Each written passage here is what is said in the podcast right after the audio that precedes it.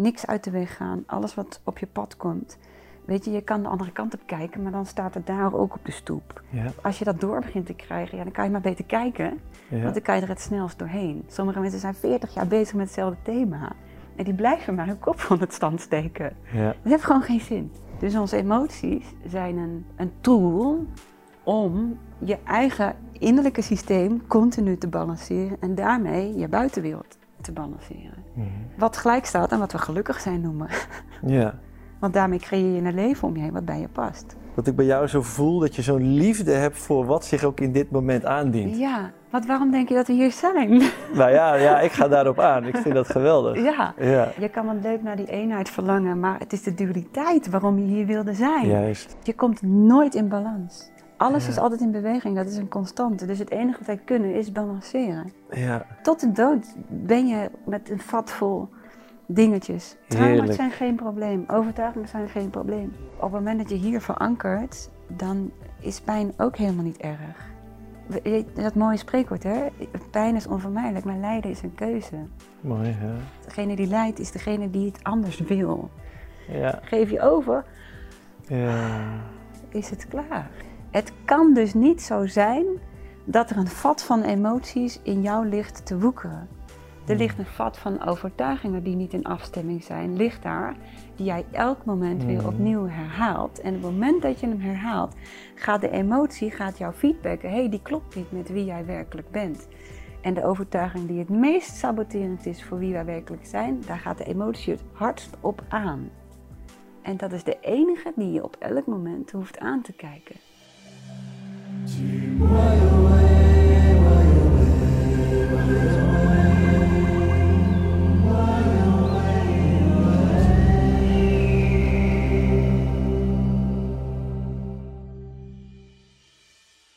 Hoe verwerk je diepe emoties?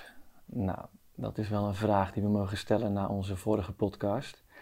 En daarom hebben wij de gast van vandaag gevraagd om een opname te doen. Eh, we zijn naar Etteleur afgereisd om in gesprek te gaan met Vera Helleman. Dankjewel dat wij hier mogen zijn. Eh, ik had jou al eh, gesignaleerd van, nou, we gaan een pittige podcast online zetten. Dat gaat over georganiseerd misbruik. En daar zouden we graag een mooi passend vervolg aan willen geven van, ja, hoe deal je met al die emoties die daarbij komen kijken? Ja. Weet je, niet alleen de video zelf, maar ook het delen van dat soort boodschappen. En daar komt zoveel bij kijken. En daarom vind ik hem ook op heel veel lagen interessant. Ja. Ehm, nou, nog even voor de kijkers die jou niet kennen. Jij bent schrijfster.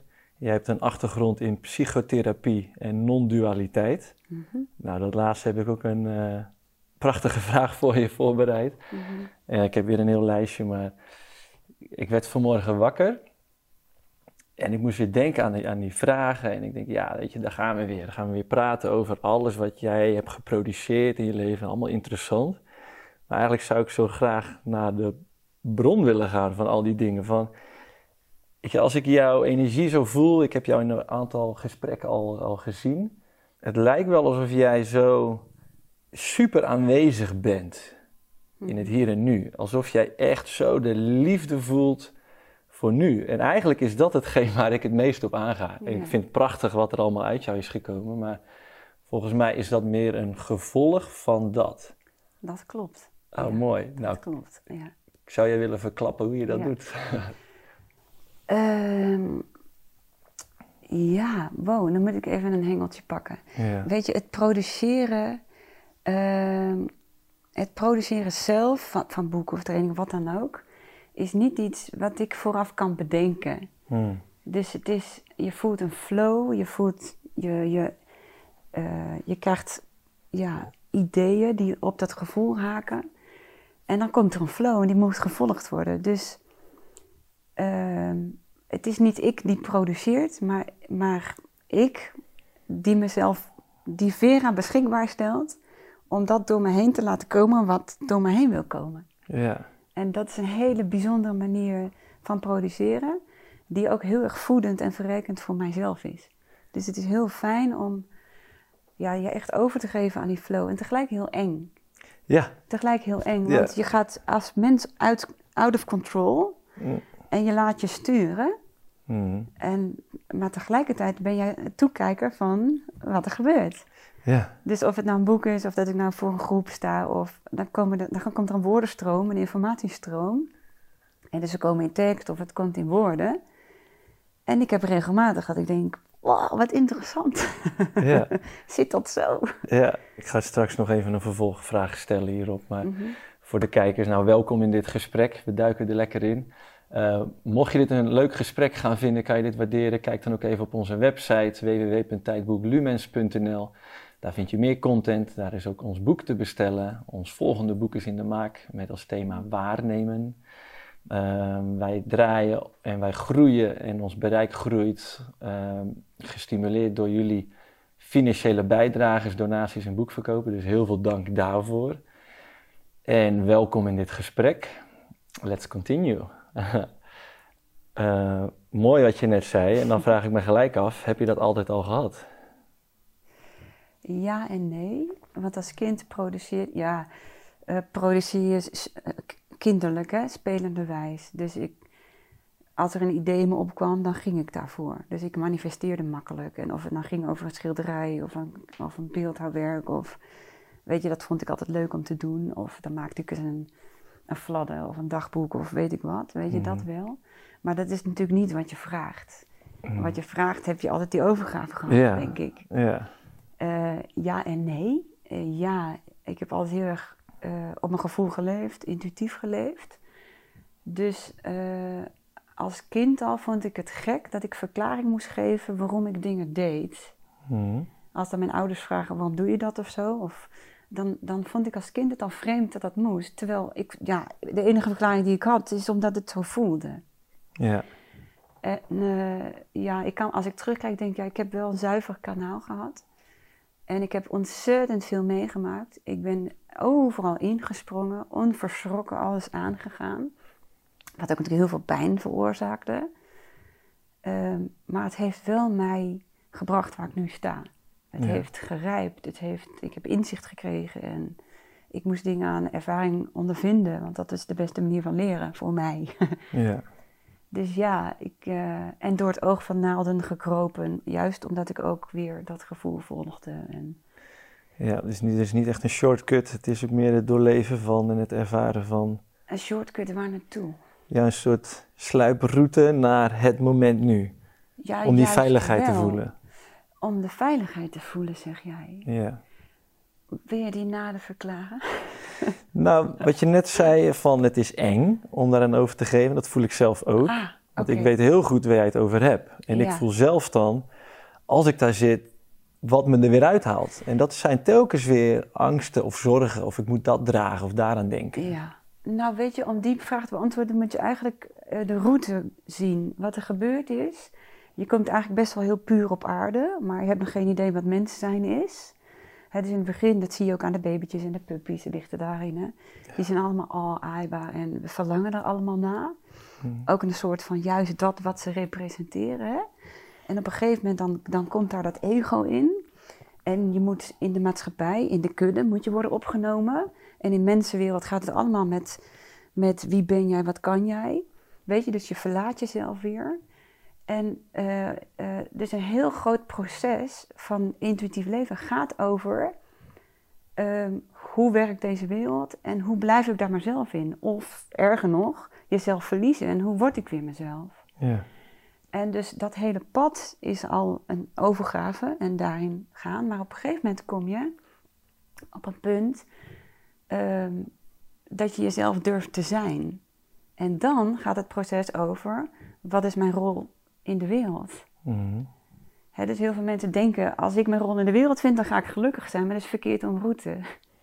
Je Ja. moet eerst het geluk in jezelf vinden, want dat is, het is niet het doel van het leven gelukkig zijn. Maar het is de trekkracht naar binnen toe, dat jij afgestemd raakt. Ja. En vanuit daar ben je pas aan toe om je rol voor de wereld te gaan doen. Ja. En dan komt het stukje overgave aan dat wat er vanuit jou moet gebeuren. En dat is een ander soort overgave. Ja, ik hoorde afgelopen weekend eh, de uitspraak. eh, je bent niet een mooi mens omdat je mooie dingen doet. Ja, Je bent een mooi mens. En daarom doe je mooie dingen. ja het is zelfexpressie. Hè? Dus roeping is wat mij betreft eh, zelfexpressie. Maar dan zelf op diepere laag, hè? want het heeft niks met Veraatje te maken. Mhm. Ik hoor een fluittoon in mijn oor.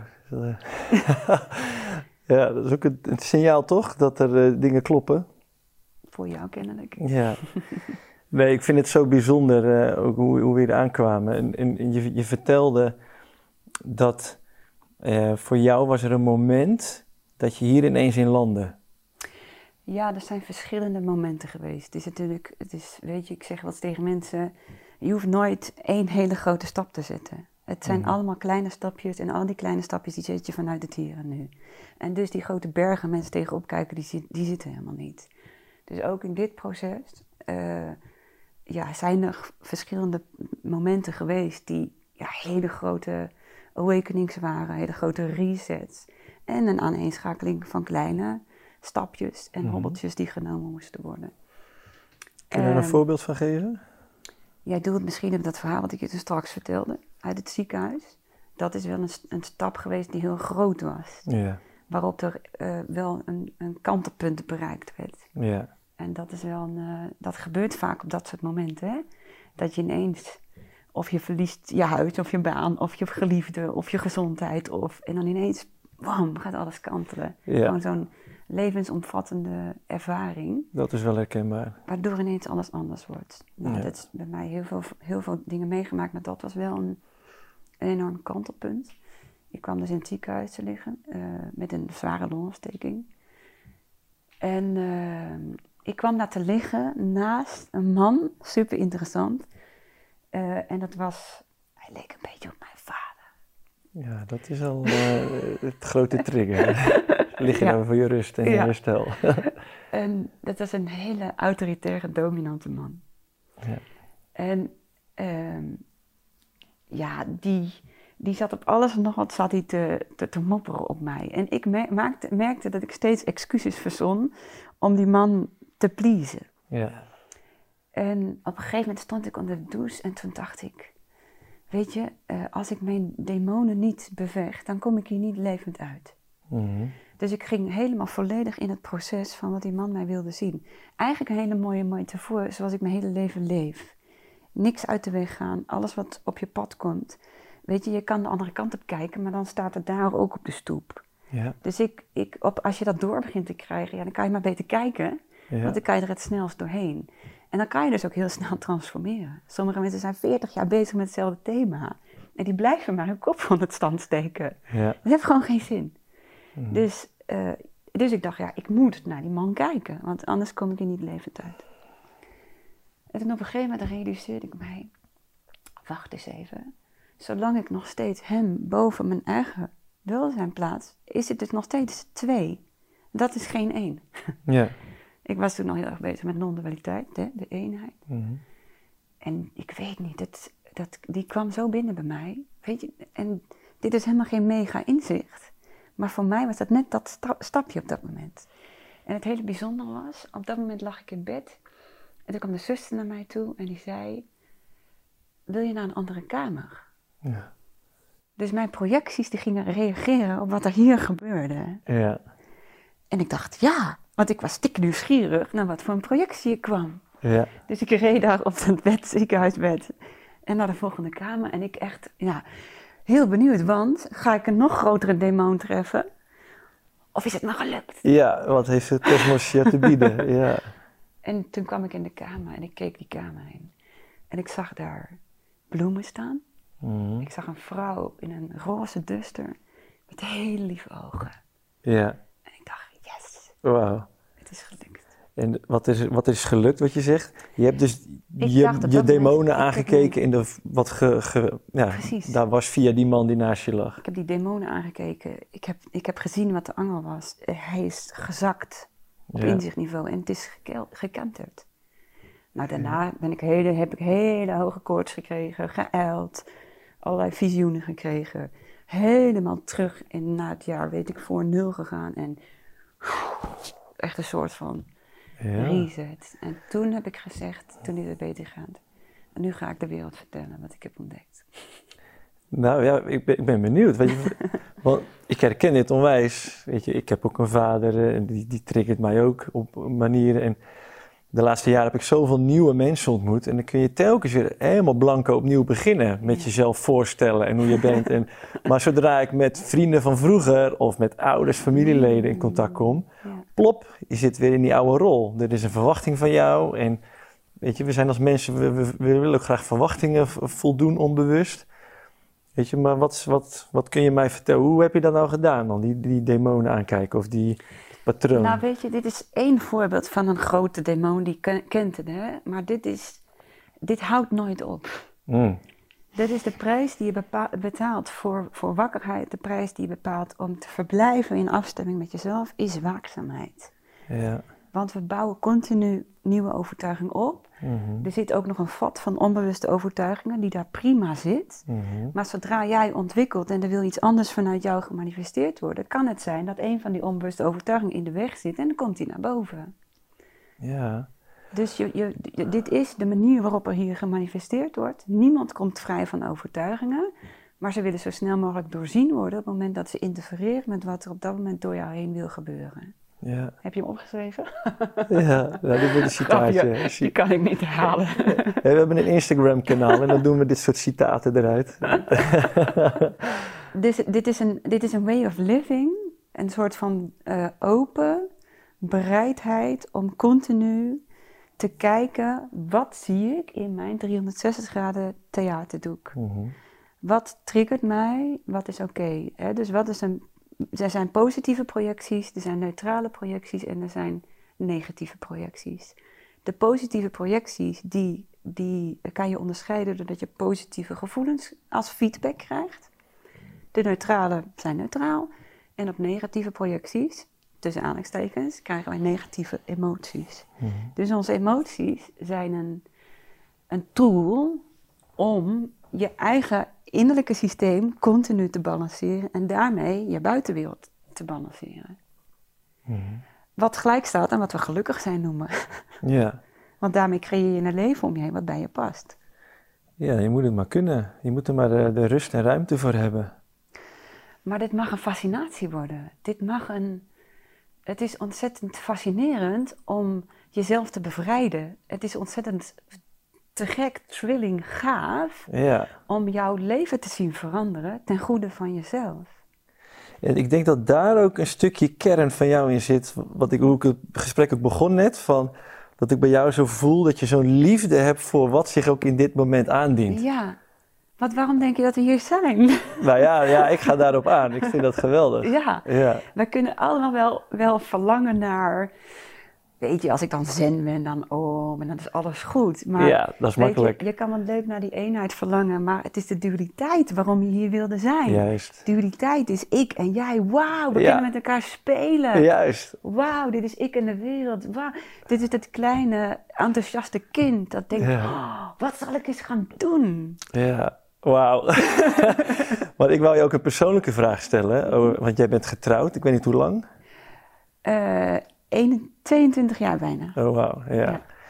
Weet je, maar ik kan me ook zo voorstellen in je, in je relaties, wat is wat, waar ik zelf ook tegenaan loop. Weet je, je, je bent zo in ontwikkeling en zo. En dan ja, wandel je een tijd naast elkaar. Maar waar ga je vervolgens heen? En wat, wat doe je met die triggers en die negatieve dingen? je 22 jaar, je doet het maar even. Ja, en ik ben nog steeds verliefd. Je ziet het wow. mijn gezicht als ik aan hem denk. Ja. Heerlijk. Hmm, ja. nog eens namen. Hmm. Ja. ja, maar dit is dus voor jou echt het, uh, het er een feest van maken en echt omarmen van hé, hey, wat wordt ons hier aangeboden? Nee, niet alleen een feest van maken ook genieten van de dalen. Mhm. Het is het, het, hele scala van mensheid mhm. dat je mag ervaren als wauw, interessant. En ik ervaar het dus ergens als mens, maar ik ervaar het ook als bewustzijn die, die kijkt door de ogen van het mens en die beseft dat het een menselijke ervaring is. Ja. En ja, in relaties kom je natuurlijk jezelf tegen. En ik moet zeggen, in het, proces van jezelf, in het proces van jezelf worden, wij hebben dat samen met elkaar gelopen. Mm uh, ik kwam heel veel triggers ten opzichte van, elkaar, van elkaar tegen. Ja. Uh, waarin we, ene keer liep hij voor, andere keer liep ik voor. En, dus we zijn gelukkig aardig redelijk gelijk opgegaan. Wat er op een gegeven moment gebeurde, was dat ik mijn leven dienstbaar ging inzetten voor de rol die ik had. Dus het ging niet meer over Vera. En hij voor hem. En ik merkte dat hij ook. En we elkaar ondersteunend waren aan elkaar. En als ik nu terugkijk, weet je, hij, hij is. En we zijn voor elkaar functioneel geweest in het onszelf worden. En we zijn nog steeds functioneel in het dienstbaar zijn aan wat er gebeuren wil. En elkaar daarin ondersteunen. Ja. Ja, dus ja, mazzel. Ja, ik voel ook de eerlijkheid uh, hierin. De eerlijkheid naar je eigen gevoel. en Dat je Ja. dat continu blijft uiten. En ook weten, weet je, hij is niet mijn bezit. Ik ben niet zijn bezit. Dus wij hebben elkaar heel veel ruimte gegeven. En bij ons Ja. staat allebei heel hoog in het vaandel. Ja, Eh, kinderen nummer één. Maar zelfontwikkeling en ontplooiing. En eh, ik kwam met de gekste dingen thuis altijd. En, en hoe gekker het... Hij zei, maar Vera, je intuïtie zei het altijd goed, dus doe maar. eh, te gek. Ja, Ja, ik ga heel erg aan op eh, wat Osho allemaal zegt bijvoorbeeld Mm. over dit soort dingen. Over de eh, liefde is als een briesje wat binnenkomt waaien. ja. Je kan het niet containen of be- behouden door het, raam dicht te doen. Nee. Je, het heeft die vrijheid nodig. Ja, en natuurlijk eh, confronteren we elkaar nog, hè? Want Mhm. dat moet, hè? Je, bij je gezin, weet je, als je denkt dat je het bereikt hebt en een spiritueel ego, dan is het fijn dat je een groot gezin hebt, want die gaat gewoon lekker confronteren. Ja, ja. En de levensinstelling die ik daarin, of de houding die ik graag inneem, is: het mag, het mag best kletteren. Maar er blijft in mij een wakker stemmetje die ook heel graag naar binnen wil kijken. Omdat ik zo goed weet, maar hier zit de winst. ja. Hier zit de winst. In het, in het elkaar afschieten, in het oordelen, in het boos blijven. Daar heb je alleen maar verlies van. ja. Je verliest, je verliest de verbinding, je verliest met elkaar, je verliest de verbinding met jezelf. Je blijft in verharding zitten. Het levert helemaal niks op. ja. Dus ik kies altijd voor verzachting en dat is hier naartoe gaan. Ja, echt eh, ja, weten en vertrouwen waar die ander uiteindelijk vandaan komt. Dat die intentie altijd puur De is. intentie maakt niet uit van de ander. Oké. Hoe iemand ook slechte intenties met je hebt, Mhm. als het in mijn projectie komt, dan is het voor mij. Hoe bedoel je die? Dus dan mag ik gaan kijken, waarom heb ik deze persoon aangetrokken? Of deze situatie aangetrokken? Ja, Je, je hoeft helemaal niet alleen maar mensen om je heen te hebben met goede intenties. Helemaal niet. Ja. Nou, dat vind ik een hele interessante. Ja, Want inderdaad, als ik in een drama terechtkom, met wie dan ook, als ik dan heel eerlijk ben, dan denk ik ja, maar ik heb dit eerder al ge- gevoeld en ik ben eraan voorbij gegaan, ja, omdat ik iets wilde. precies. Ik wilde iets van die ander. Ja. denk ik, ah, Ja. ja, Ja, en dan, dan zit een stukje ik, hè. Ik heb iets Ja, nodig. En dit, dit is allemaal van die kleine facetjes. Eh, Dit is één voorbeeld. Of het schuldwijzen, of het oordelen, of eh, had jij het maar voor mij anders gedaan, of eh, ik ben zo zielig. Of... Iedereen heeft zo zijn overtuigingjes, zijn triggerpoints. ja, En dan naar binnen. ja, Kan ik ontspannen? Kan ik dat stukje kr- ego-kramp, kan ik dat laten krampen? Kan ik Mhm. dat als een kat in het nauw naar boven laten, op die, op die kast laten kruipen? Maar kan ik hier verblijven en dat toekijken hoe het in het nauw op die kast springt? En weer terug naar die verbinding. Ja. Iedere keer weer opnieuw, en weer opnieuw, en weer opnieuw, en weer opnieuw. Echt een staat van zijn, om zo te kijken. Ja, het is een way of life, way of Ja. living. Een continu proces. Want je komt nooit in balans. Je kunt nooit, dat is een illusie.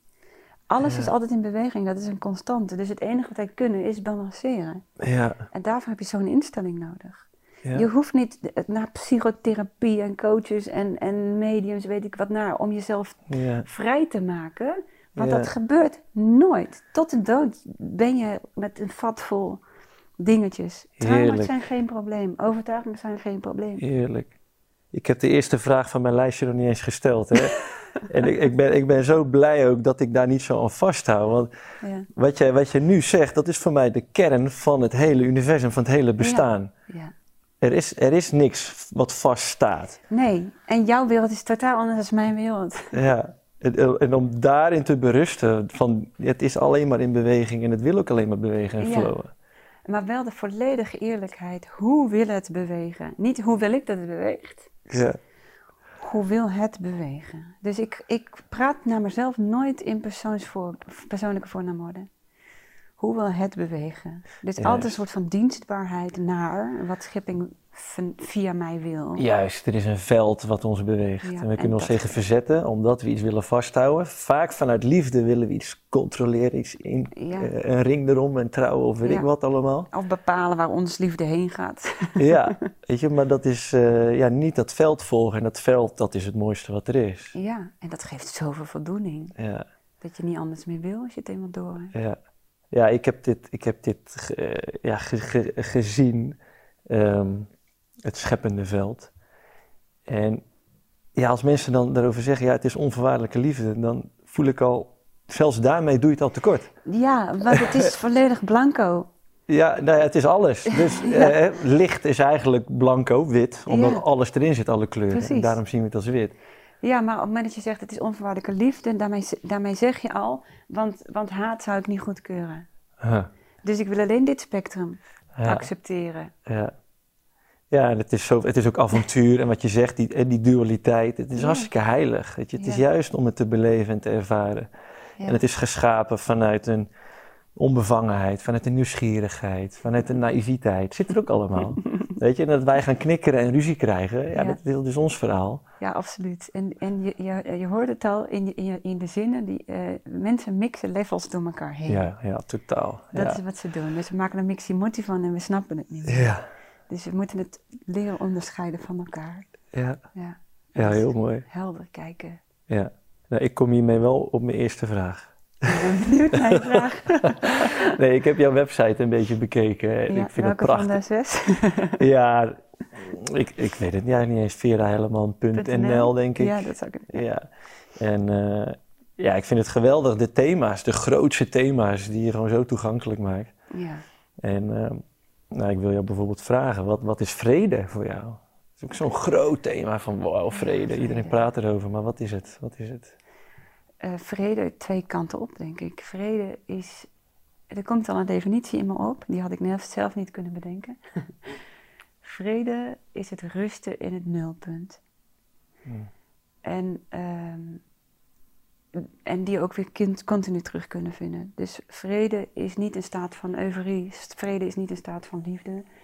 Vrede is een hele kalme staat. En een soort van rusten in het nulpunt. Mhm.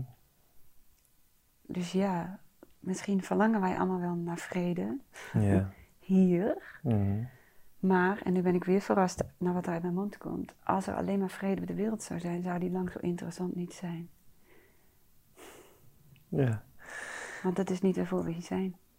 Ja. We zijn hier voor polariteit. Ja, het is een definitie of oorlog of geen vrede. Weet je, maar vanuit het hoogste perspectief is Mensen- alles een tijdelijke heilige illusie. En de verlangen naar mensen, me- mensen die zo verlangen naar vrede, is natuurlijk het verlangen eigenlijk naar de vrede die ze in zichzelf Ja, verloren naar dat zijn. thuiskomen. Ja, dus alles wat, ze- wat mensen in de wereld verlangen of afkeuren, het is allemaal projectie van wat er hier binnen plaatsvindt. Ja. Dus hier is de sleutel. Ja.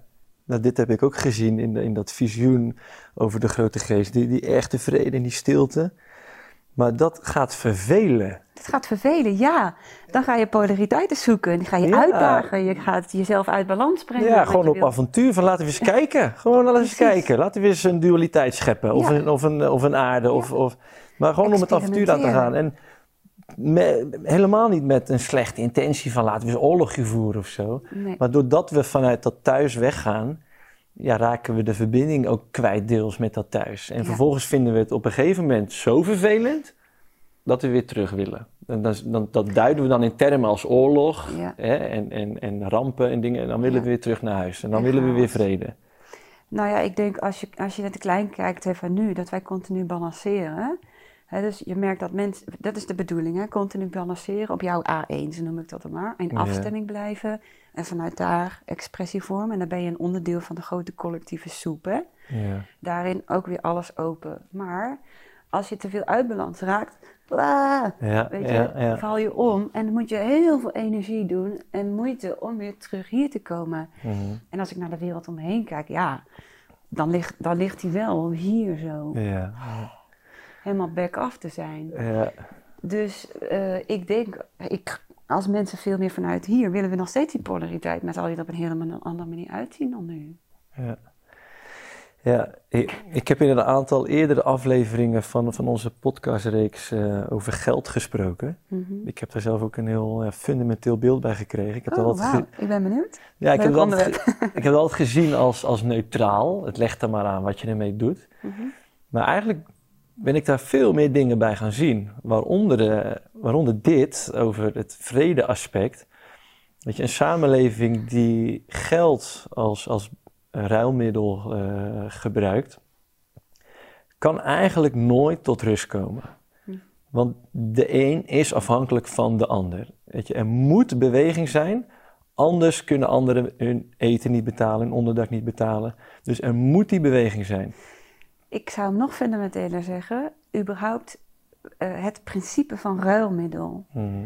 is waardoor wij gaan afwegen dat evenveel tegen dat evenveel. Ja. Dus of je nou geld eruit haalt en je doet een ander ruilmiddel, het is nog steeds een ruilmiddel. Eens, helemaal mee eens. Het is nog steeds afwegen. Het is nog steeds voorwaardelijk. eerlijk? Ja, Ja, je leeft onder voorwaarden. Dus precies.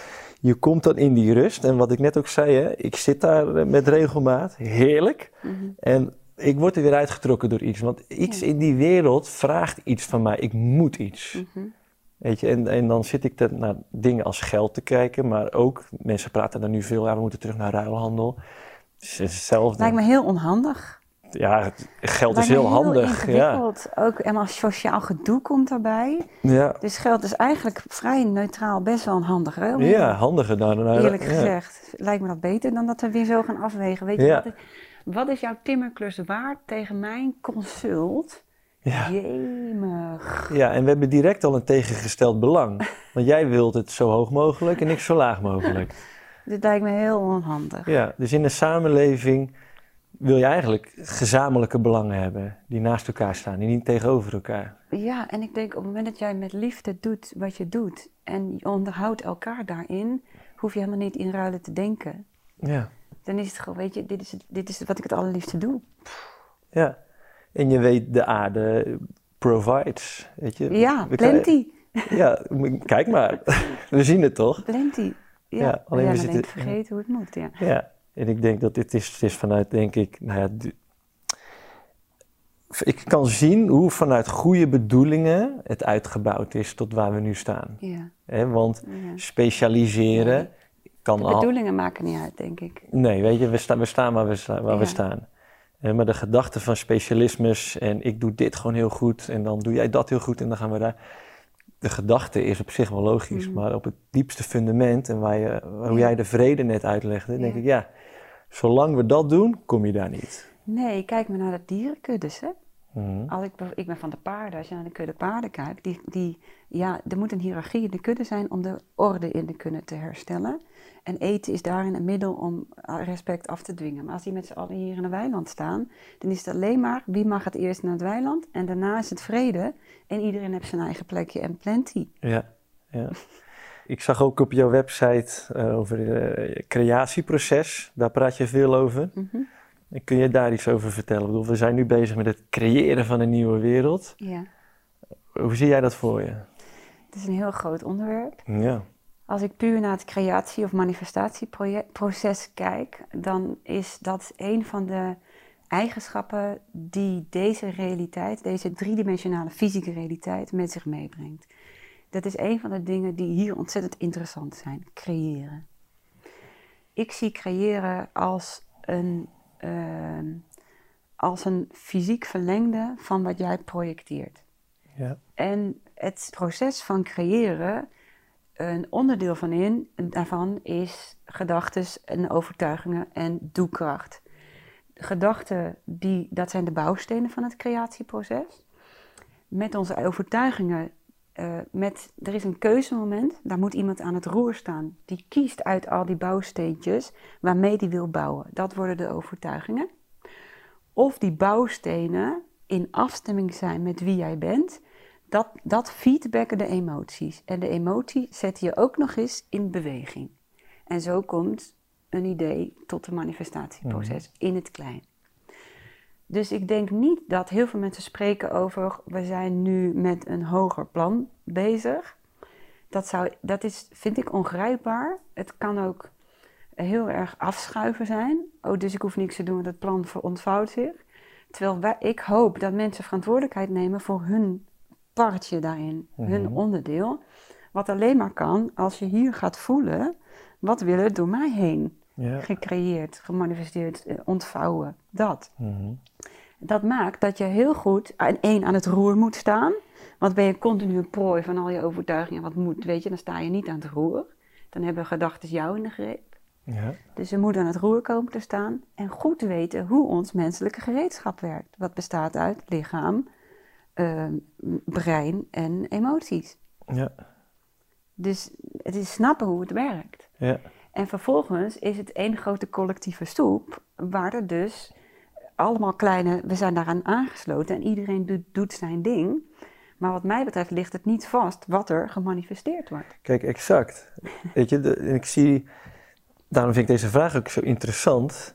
Ehm, er wordt nu zoveel gecreëerd en, en, en, en neergezet, maar daarbij wordt ook over zoveel grenzen heen gegaan. Ja. En, en ik zie, we hebben ook een aflevering over secteleven gedaan. Ah, ja, Het lijken wel mini-sectes eh, soms. Dat Ja. echt extreme dictatuurtjes, precies. hele steile piramides. En, want we moeten van A naar B. Dat. En dan zetten we een B-punt neer. En daar zit allemaal willen en moeten. En dat hoort zo. Ja, dat vanuit- kunnen we bereiken. Ja, ja, En dan moet daar naartoe gewerkt worden. Maar wat mij betreft werkt dat zo niet. nee. Ehm, wat mij betreft kun je alleen maar vanuit het hier en nu creëren, manifesteren. Want daar leg je de zaadjes en zet je de stapjes. Ja. Dus die wil je, wil je heel erg eerlijk en heel erg zuiver zetten. Mhm. Maar je hebt geen idee welke rol je hebt. Nee, nee, nee. Dus het kan maar zo zijn dat jij de grote confrontator bent. Of dat je de, ding, de, de, de, de, de steen in de vijver moet gooien. Of, oh sorry. Ik drink uit de Nou. fles. Lekker. Ja. Dus weet je, wat mij betreft ligt niks vast. Het is echt helemaal afhankelijk van welke bouwsteentjes gaan mensen pakken. En vanuit welk Ja. systeem dragen wij nog steeds bij ja. aan het manifest. Kijk, en ik vind, dit herken ik helemaal in het individu. Weet je, maar we voelen ook allemaal, we gaan het samen doen en we moeten samenwerken. Kijk, en daar gaat de uitdaging komen, want dan kom je in oude piramidestructuren, oude, wat aangeleerd is. Maar hoe, heb jij daar een zicht, een visie op, hoe ga je in een team zoiets faciliteren? Dat iedereen tot zijn recht komt wat er door die persoon heen komt. Ik ben zo blij met je vraag. Dank je, ik ook. Ik ben een autist en mijn nekhaar gaan overeind als het gaat over samenwerken. Ja. Maar ik werk wel naast mensen. Mm. Ik werk altijd mensen samen met ZZP'ers die expert zijn op hun gebied. Mhm. Die dat het liefst doen. Ja. Die dan weer een schakeltje zijn in, in dat wat er op dat moment wil gebeuren. Mhm. En dat bedenk ik niet van tevoren. Ik voel op dat moment, oh dat wil er gebeuren. Ik kan dat niet. Ik weet niet hoe dat werkt. We gaan iemand zoeken die dat kan. Ja. Eh, dus ik geloof heel erg in, in specialisme. Doen wat je leuk vindt. En er zijn, van sommige dingen zijn er meer mensen die het leuk vinden. En er zijn er meer van nodig. Ja, zo werkt dat. Dus ik denk dat de huidige bedrijven ook op een manier opgebouwd zijn die helemaal niet klopt. Kijken we naar de functieomschrijvingen. Ja. We maken een functieomschrijving en dan zoeken we een persoon bij. Ja. en dit is zo grappig. Ik, ik kom twee jaar, sinds twee jaar, tweeënhalf uit die wereld. Mhm. En laatst stuurde iemand mij een, een vacaturebeschrijving. Helemaal blij, daar ga ik op reageren. En het doet gewoon pijn aan mijn ogen. Ja, het, Ja. Is, het is, weet je, ik zoek een talent. Iemand die, die al gezegd heeft, weet je, dit is waar ik voor ben. Ja, En komt er zo iemand naar je toe, wauw, dit is waar ik voor ben. En ik wil graag met jou, met jou. ja, Nou, dan gaan we kijken, wie ben je en waar ben je voor? En dan resoneert dat inderdaad. ja, ja. Wauw, leuk, misschien gaan we dat doen. ja.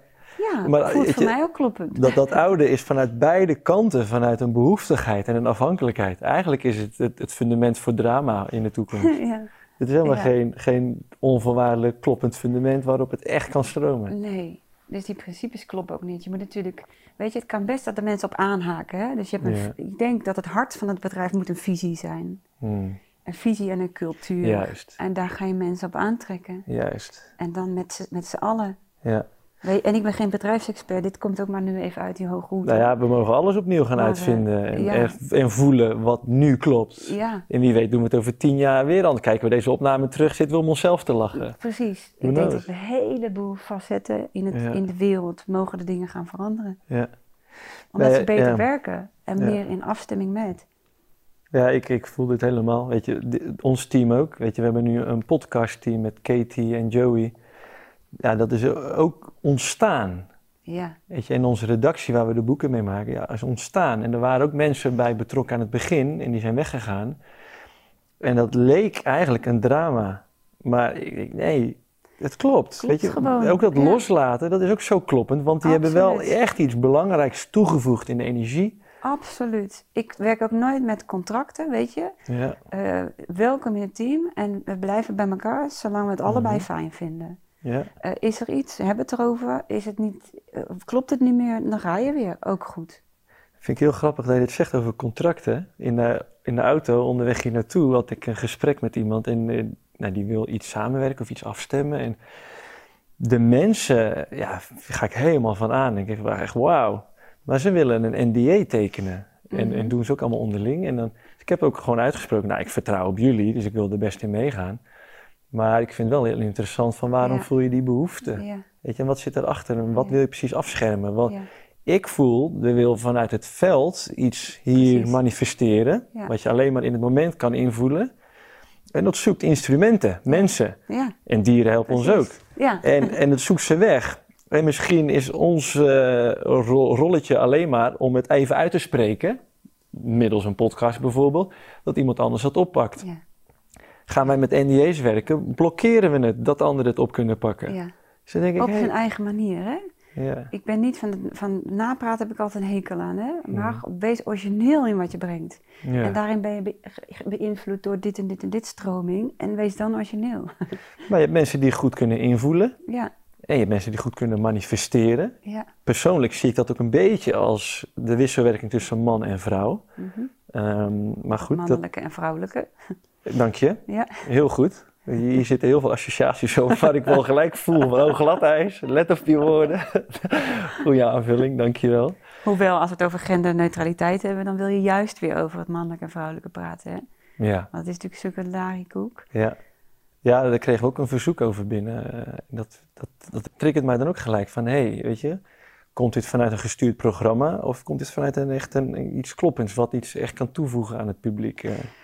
Die genderneutraliteit. Ja, maar ik, niet, maar andere onderwerpen natuurlijk, maar Oh, ja. leuke. eh, maar, Maar nog, nog wat ik ook Ja. zo, zo, zo voel met dat veld, en dat, zullen, dat herkennen ook heel veel mensen, want ik praat hier ook wel vaker over, maar het veld wil iets manifesteren. Het zoekt ze weg. Het geeft jou een inspiratie. Maar als je het niet oppakt, zoekt het gewoon een andere weg. absoluut. Dus hoe Ja. vaak hebben mensen ook niet van, oh, Ja. dat had ik al bedacht. Oh, Ja. Nee, sorry, dat Dat heb ik niet bedacht. Jij hebt dat ingevoeld, maar niet opgepakt. Dus, Exact. dus loop niet zo stoer te doen dat jij dat hebt bedacht. Precies. Jij hebt het niet uitgevoerd. Het En niet daarom doet nu een ander het. Exact. Super interessant. Op het moment dat ik het boek ging schrijven over emoties, kwam de Dalai Lama ook met over emoties. Ja. Exact hetzelfde jaartal. Ja. Ja, ja wauw, dit is zoals het werkt. Heel Ja, te gaaf. gek. Ja, maar Ja. zo werkt het ook. En Ja. je ziet ook in de wereldgeschiedenis, in, in hoeverre je die ook helemaal letterlijk nog kunt Ja. vertrouwen. Maar er zijn tegelijkertijd baanbrekende uitvindingen gebeurd, los van elkaar. absoluut. Eigen- schijnbaar uit het niets. Ja, en dan rechts lawsuits, hè? Ja. Staat er wel nergens op. ik, ja, maar we zijn er toch om te dienen, om elkaar te dragen en te ondersteunen en om er hier gewoon iets moois van te maken. Ja, En dan zitten we elkaar te dwarsbomen met contracten. ja, ja, dat is moeilijk. Ja, fijn dat je dat zei, want dat is echt iets, iets actueels wat in het moment speelt. Ja, en eh, ideeën is precies hetzelfde als prinsen op witte paarden. Hè? Mhm. Daar zijn er ook meerdere van. Ja, ja, ja, Dat is ook zoiets waar mensen... eh, Ja. Die komt nog in me over, die moet even gezegd worden. Ja. ja. Ze blijven maar najagen naar die ene tweelingziel of zo. Maar er zijn, er zijn echt meer prinsen op witte paarden, afhankelijk van alles beweegt. En Ja. ben je nu in je ontwikkeling, komt deze Ja. persoon, dan komt die persoon. ja. En dat geldt natuurlijk ook voor mensen waarmee je samenwerkt. Dat doet mij denken aan wat ik vroeger een keer met een vriendin eh, had af, eh, hoe wij dat uitspraken. Van de, het is niet dat de ware bestaat, maar het ware moment. Of de ware voor het moment. Ja, het is zo'n, zo'n, ook zo'n moment van creatie, hè? Ja, Van aantrekking. hey, we trekken aan op stromingen waarvan we nog niet weten dat er in proces zit en daar haakt iemand op aan. ja, Hoef je ook helemaal niet dezelfde agenda's ge- te hebben, ja. maar je kunt iets met elkaar uitwisselen wat op dat moment nodig is. Ja, ja, dit doet me gelijk denken aan, aan de cover voor ons nieuwe boek die we nu aan het ontwerpen zijn. Mhm. Is echt wa- waanzinnig wat er dan allemaal aan, aan symboliek naar boven komt wat we daarin willen. Dus het eerste gedachte was, het is een spiraal naar de gouden stip toe die we op het moment hebben. Dus die gaan we weer gebruiken, die gouden stip. Ja, dat is leuk. Dus we gaan we een spiraal toevoegen. Dus dat is de eerste helft van je leven, thuiskomen in jezelf. Onafhankelijk worden en vanuit jouw eigen moment je, je continu je zuiverheid en dan weer naar buiten treden. Ja. Toen kwam Mooi. het idee erbij Mooi. om er een dubbele spiraal van te maken. Mm. En als ik jou dan hoor over die aantrekking, Ja. Zo voel ik dat ook. Je hebt tijdelijke relaties met partners, met vrienden. En je trekt elkaar naar elkaar. Er is iets in aantrekking waarvan je voelt, dit brengt me dichter bij huis. ja, en in wezen is dit ook de aantrekking met de hele werkelijkheid om je heen. Ja, Wij dansen met, met in ons scenario. En eh, Ja. al die acteurs, die medespelers, die, Ja. daar dans je mee. ja. en soms haakt het af. Ja, en de to intensiever dan met de ander. Ja, en als de ander even een ander pad ingaat of er gebeurt iets, loslaten in liefde. En dan is er weer een ander. En dan kun je zo thuiskomen. En ook op het gebied van seksualiteit. Ik bedoel, geld is een groot thema. Oh ja, geld. Daar hadden we het net over. Maar eh, seksualiteit is voor mij nog een veel groter thema. Mm, ja. Weet je, over geld kan je nog Ja, praten zonder dat het per se dingen triggert bij mensen. Maar als je over seks Ja. gaat praten, ja, is heel veel collectieve pijn. ja, daar heeft iedereen wel een verhaal bij. Of in, een mening of een gevoel. Ja. Maar daarin voel ik ook, als je als man en vrouw zo in zuiverheid echt naar die onafhankelijkheid en die puurheid kan komen, dat de seksualiteit dan meebeweegt in puurheid. Absoluut. En dat daar ook heel veel groei in te halen is, omdat het ook die triggers geeft. Ja, of misschien niet meer nodig. Kan ook nog. Ja, nou ja, daar hoor ik ook verhalen over. Ja. Ja. ik ben benieuwd. Ja. Nee, ik ben serieus benieuwd. Weet je, ik, ik, ik omarm het hier en nu, maar ik heb ook eh, al jaren bovenaan mijn boodschappenlijstje staan. 150 jaar oud worden. Om, om me te reminden dat ik gezonde spullen koop in die winkels waar zoveel troep eh, voorhanden is. Maar ik wil gewoon oud worden, want ik ben gewoon zo benieuwd wat er allemaal gaat komen en hoe zich dit allemaal gaat ontwikkelen. Ja, dat wil je meemaken, ja. Ja, dat wil ik echt Ik meemaken. kan me voorstellen als je ouder wordt dat je denkt, ik heb het wel gezien. Ja, Ik ga maar eens. ja. Doen jullie het maar Ik geloof dat dat eh, uit een soort pijn dan komt. Niet vanuit het moment. Ja, ik weet het niet. Ik, ik merk wel, dat is best wel een thema in mijn persoonlijke leven op het moment. Ik ben nu in de overgang eh, sinds een paar weken en ik vind het fascinerend heilig. Hmm. En het voelt heel erg. Ik, ik, ik zeg pas, ik zeg, ik zeg, Marco, ik zeg, zullen we van onze oudere dag gaan genieten? Oud. Ik ben nog hartstikke jong, zo. En hij is 57 of zo. Ja. En, maar het voelt zo als je. Ik ben iemand die zoveel heeft geleefd en zoveel heeft gedaan en, en alles heeft onderzocht. En er komt zo'n zo'n enorme rust in me. Mhm. Echt een soort van zo'n oude wijze vrouwgevoel. Dat echt dat, weet je, dat het leven op een hele andere manier zijn charme heeft. Niet meer het, het kind, oh wat kan er allemaal? Maar veel meer, het, naar, het veel meer, niet daar, maar het naar binnen halen en Prachtig. dat. Ja. En dan kan ik me voorstellen dat je op een gegeven moment, ja, toch denkt, Ja. nou, mijn, mijn, mijn rieten is geweest. Nou, ik, eh, ik kom graag nog eens bij je langs als eh opperhoofd, stamwijze, eh, wijze Vera Helleman op bezoek. Ja, ik zie je al het. zitten. Ja, Ja, zo voelt het. En ik vind het fascinerend boeiend. Dat geloof ik. Ja. Maar ik zie daar ook weer de twinkeling in je ogen en niet eh, van het is wel genoeg gedaan. Nee, want daarna komt er weer een nieuw onderzoek en Ja. een nieuw. Ik vind, en, het, en dat vind ik ook in het kijken naar de kinderen. Elke levensfase is zo boeiend. Ja, Je ja. wil ook niet te lang stilstaan. Ja, Elke dat is levensfase is boeiend. Ja, dat is het. Dus ik ben benieuwd als we 120 of 150 kunnen worden, wat dat voor fases zijn. Ja, ja. Who knows? Ja, Ja, prachtig. ja. Leuk. Ik doe me denken aan het experiment. Dat vind ik zo'n leuk experiment. Daar hadden ze eh, een aantal oudere bejaarde mannen. Mhm. Die hebben ze eh, twee weken lang in een, in een huis gestopt als experiment. hebben ze helemaal ingericht als met behang, met meubels, met, met zelfs een dikke beeldbuis als toen hun 20 jaar oud waren. Ja. Hebben ze ook muziek op afgespeeld als toen hun 20 jaar oud waren. En na twee weken begon hun lichaamscellen zelfs te regenereren. Fascinerend. Ja. Dus ik denk, zit- wij zitten zo vol geprogrammeerd met wat wij allemaal concluderen over ouderdom, over voeding, over hoe het hier werkt. Ja, en dat allemaal in dat 90% onbewuste vat. We hebben een hoop te doen daarop. Maar Ja. dat, ja, dat moet toch gewoon kunnen. Ja. Nou, ik zie het al op de dansvloer eh, bij feestjes, als er een nummertje van vroeger aan wordt gezet, eh, Ja. hoe iedereen zich ineens gaat gedragen. En ik denk, oké, let's go. Ja. Nee, prachtig. Ja, mooi. Ja. Hey, hoe, hoe zie jij de toekomst voor je? Niet. Mooi. Ik zie, geen, ik zie niet de toekomst voor. Ik vertelde, ik heb één keer een visioen gehad. En verder eh, denk ik niet dat het, dat het heel slim is om naar een toekomst te kijken. Ik denk beter dat je kan kijken naar eh, je wereld nu. Ja. En naar het verlangen van hoe je de wereld nu wil vormgeven. Ja, Want dat, daar ligt de toekomst in besloten. ja, Dus ik kijk eh, fascinerend toe naar hoe het leven zich ontvouwt, elk moment. Dus eh, elk moment leven we een nieuw stukje toekomst. We kijken niet te ver. prachtig. Ik ben soms wel eens benieuwd naar kleinkindertjes of zo, weet je. Ja, Maar dat is eigenlijk meer een grapje. Want dit zou ik nu nog helemaal niet willen. Dat is veel te druk. ja. Nee, dankjewel eh, voor je antwoord.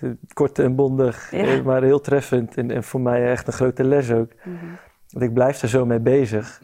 Ik Ja. heb daar zelf ook visioenen in gehad. En ik heb ook een keer de boodschap erbij gekregen. Mhm. Dit is het en meer krijg je niet te zien. Want het verstoort je alleen maar. Ja, het verstoort. Ja. En ook het, het idee, het hopen en verlangen naar een fijne toekomst. Het zet jou zo buitenspel. Het zet je, haalt je uit het moment. Je gaat Maak werken jou naar nu iets. mooi. Ja. Dat is Ja. het beste wat je kunt doen. Kijk, en ik, ik geloof echt, eh, weet je, ik heb die dingen gezien te om, om mij ook op een bepaald pad te zetten, om een bepaalde berusting en vertrouwen te geven. Eh, ook heel duidelijk dat het was om te, om te delen. Hmm. Ehm, maar het gaat om het hier en nu. Wil je het delen? Ik ben nieuwsgierig. Of zeg je van het hoort Ja, ik heb het al een aantal keer gedeeld in Oh, een oké, podcast. En ja. het, maar het gaat over een Heb nieuwe. niet gekeken. Ja, is gewoon. eh, ik dacht dat jij onze grootste fan was. nee, het, het komt erop neer dat we naar een. eh, dat er een nieuwe mens ontstaat, echt een nieuwe mens. We hadden het in het voorgesprek hier eh, toen we aankwamen al over DNA. En dat er zoveel junk DNA is volgens de wetenschap. Nou, dat schijnt allemaal aangezet te worden. Is ook Juno Burger vertelde daar ook al wat over, onder andere. Dat we telepathisch worden, heel veel gaven gaan openstaan. Ja, dat is het leuke. Die gaven zijn leuk. Daar kan je al nu al over verwonderen. Ja, en dat is ook de grap. We moeten een beetje een worst krijgen ook, hè? Ja, iets om naartoe te groeien. Een, soort mal om in te groeien, een tijdelijke mal. Ja, een motivatie om zo te, te durven kijken. Ja, en dat het mogelijk is. En, en ik heb ook ja, gezien dat we dan terug gaan kijken en ons beseffen, maar dit hadden we altijd al. Weet je, wat hebben we onszelf voor de gek gehouden? Ja, maar dat is het hele, het hele, dat het is het hele proces. Ja, ja, Dat als je eenmaal ziet hoe simpel het is. ja. Dus ik vraag me ook af of het echt uitgeschakeld is, al dat andere DNA, Ja. of dat het eh, lam gelegd is. Of Mank. dat we niet onze, als ik kijk naar hoe mensen omgaan met hun eigen gereedschappen, Hm. dan is het altijd een kwestie geweest van gewaarzijn. Ben je je ervan bewust? En heb je geleerd het te gebruiken? Dat het gewoon wel voor iedereen beschikbaar is en aanwezig, maar dat ze gewoon niet wisten hoe ermee om te gaan. En Ja. alleen maar eenzijdig ge- ge- georiënteerd waren. ja, ja, Dat zie ik als het gaat over mentale capaciteiten, emotionele capaciteiten, voelcapaciteiten, Mhm. eh, fysieke. Nou, dat is voor mij ook nog een leuke leerdoel. Maar... Ja. Nou ja, en een ander ding wat ook heel kloppend voelt om te delen is dat eh, om, om, er komt een hele nieuwe mensheid aan, echt een hele nieuwe wereld. Dat gaat wel door een overgangsfase heen met, met strijd. De oude wereld brokkelt af, machtsstructuren vallen in. En dat voelt ook belangrijk om te delen, dat er eh, iets in het vooruitzicht is, dat we niet eraan onderdoor gaan. Ja, en tegelijk kan ik me ook voorstellen dat zo'n boodschap angst geeft. En daar willen we natuurlijk niet naartoe. Nee, Voor het publiek wat ik tegenkom, zou ik hem formuleren als... Als je afgestemd bent hier, naar de bron van weten... Mhm. Zal geen uitdaging te groot zijn. En zal je daar stap voor stap inrollen en weet je op dat moment wat te doen. Ja, ja, Dus dan hoef je niet bang te zijn. absoluut. En ik denk ook dat het niet per se nodig is dat er heel veel strijd komt. Maar dat het echt afhankelijk is van... eh, ik zie mensen namelijk, als het gaat over het proces van naar eenheid terugkeren, naar die nieuwe mens... Mhm. zie ik dat het bij sommigen gepaard gaat met heel veel strijd en pijn. Mhm. Omdat ze echt een flinke reset nodig hebben. En anderen glijden erin en denken op een gegeven moment... Oh, is dit het? Ja, En die hebben helemaal die pijn niet. En dat is ook een route. ja. Ja, dat bemoedigt mij ook weer. Ja. Weet je, ik had dit eh, begin 2020, dat visioen. En ik dacht, nou, daar gaan we een stokje voor steken. Maar ja, je hebt gewoon zo'n beperkte invloed Ja. op de wereld in het Ja. groot. Ehm, en toen ben ik vanuit mijn mind het ook maar gaan goed praten. Want als ik naar mijn eigen programma's kijk en ik zie hoe hardnekkig die daarin zitten. Ja. denk ik, nou, als dat ook zo geldt voor de wereld buiten me. Ja. Dan denk ik, nou, misschien moet dat dan maar gebeuren. Nou, je kunt jezelf ook afvragen wie is degene en wat is degene dat, dat de pijn ondervindt. Want waar we het begin van het gesprek hier over hadden, is ook: het is niet, mensen verlangen zo alleen maar naar roosgeur, maneschijn en elfenstof. Mhm. Maar op het moment dat je hier verankert, dan is pijn ook helemaal niet erg. Dat mooie spreekwoord, hè? Pijn is onvermijdelijk, maar lijden is een keuze. Mooi, ja. En daarmee haal je wel alle scherpe toppen af van het lijden. Ja, Want degene die lijdt is degene die het anders wil. ja, De, de pijn, emotiegroep verdriet is dat. Hoe, hoe meer onder aan, je lad, aan die ladder komt, hoe meer het pijn doet. En dat heeft te maken met dat je niet wil loslaten en niet wil overgeven. Geef je over, ja. is het klaar. Ja, ja, ik voel hem. Ja. En je, je, je legt het zo mooi uit, omdat je het ook weet, je voelt het, je doet het. Ja. Maar dit is ook wat zoveel mystieke stromingen en goeroes ook allemaal proberen duidelijk te maken. ja. Ja, ja prachtig. Dan, dan, ja, dan, dat is... Ik hou van je Janneke taal en van beeldspraak. Nee, niet, niet beeldspraak, eh, visueel uitleggen. Ja, ja ik ben ook eh, en visueel van ingesteld. resonanties. En, ja. Ja. Ja. ja, dan kom ik ook bij het eh, volgende onderwerp. Mhm. Eh, ik ben zelf eh, visueel ingesteld en de vorige podcast. Ja, ik heb daar zelf ook gewoon nog steeds moeite mee met dat thema, weet je. Gewoon energie misbruik. En Ja. het roept bij mij ook echt, ik vind het gewoon, ja, het triggert me heel erg. Ja. En ik ben erbij. Ja. Ik weet ook waar mijn grens ligt. Ik hoef er niet dieper in te duiken. ja, ik voel wat je zegt. Ja, Dank je wel voor jouw spoor. Ik heb soms iemand anders nodig om te voelen wat er gezegd moet worden. ja, Weet je wat ik heel sterk voel? Ehm, weet je, dat als, het, als het over eh, misbruik gaat, en zeker van kinderen en, sek- en seksueel misbruik, dan bijna, bijna iedereen gaat hierop aan. Hmm. Of op af, kan je ook zeggen. op down, hoe zeg je dat? ja, op in zwart. Je, gaat hier, je voelt gelijk de zwarte drek. Je Mhm. voelt dat het, het onderwerp gaat naar een hele lage frequentie toe en wop, je Ja. glijdt daarin. ja, Waarom? Wij zijn allemaal onderdeel van de collectieve soep. En dit is zo'n collectief thema, dat ook al heb je zo- zelf nooit iets in meegemaakt, dan plug je direct in in het collectieve veld. Mhm. Dus iedereen gaat hier op zwart. En waarin het, het, het vrouwelijke principe, en wij hebben allemaal een mannelijk en vrouwelijk principe in ons, waarop het vrouwelijke principe natuurlijk de gemisbruikte is. Maar het, het mannelijke principe is vaak de misbruiker geweest. Dus, en beide hebben pijn. Mhm. En dat vinden we allemaal weer in onszelf terug. Dus we vinden, wij zijn allemaal bang voor onze schaduw, Mhm. want we willen niet pijn doen. ja, En we zijn allemaal bang voor onze kwetsuren. Want die kunnen we niet processen. ja, En, en dit zit allemaal in ons. Het, zijn, het is eigenlijk een hele mooie metafoor. Zeker als het over kinderen gaat, over eh, de, de, de bron.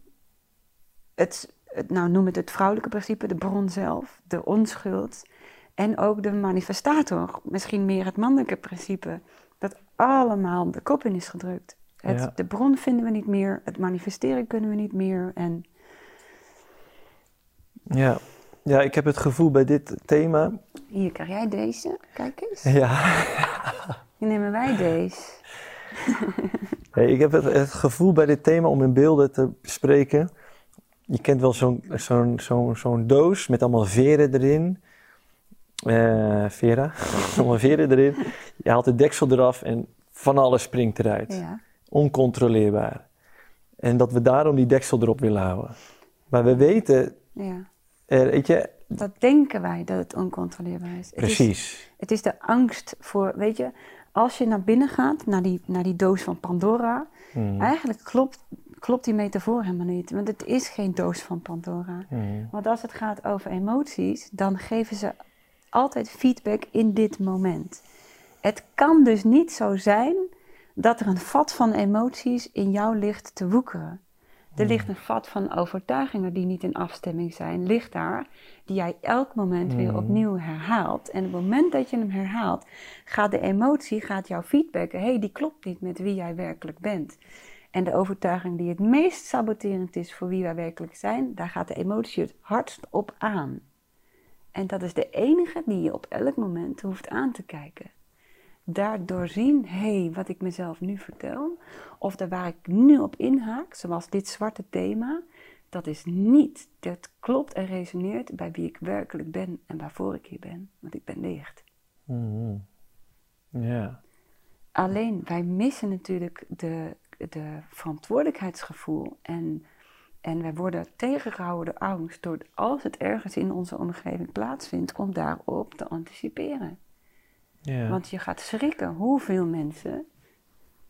hè? Nou ja, waar ik zelf ook van schrik, want je, je zegt net, er is niet een vat van emoties. Ja, Kijk, ik heb, ik hoor wel, ik heb heel lang al een eh, eh, pijn in mijn onderrug. oké. Niet heftig, maar ik leef ermee en ik heb Mhm. fysiotherapie gedaan laatst en dan is het weer weg. Ik doe soms wat oefeningen. Ja.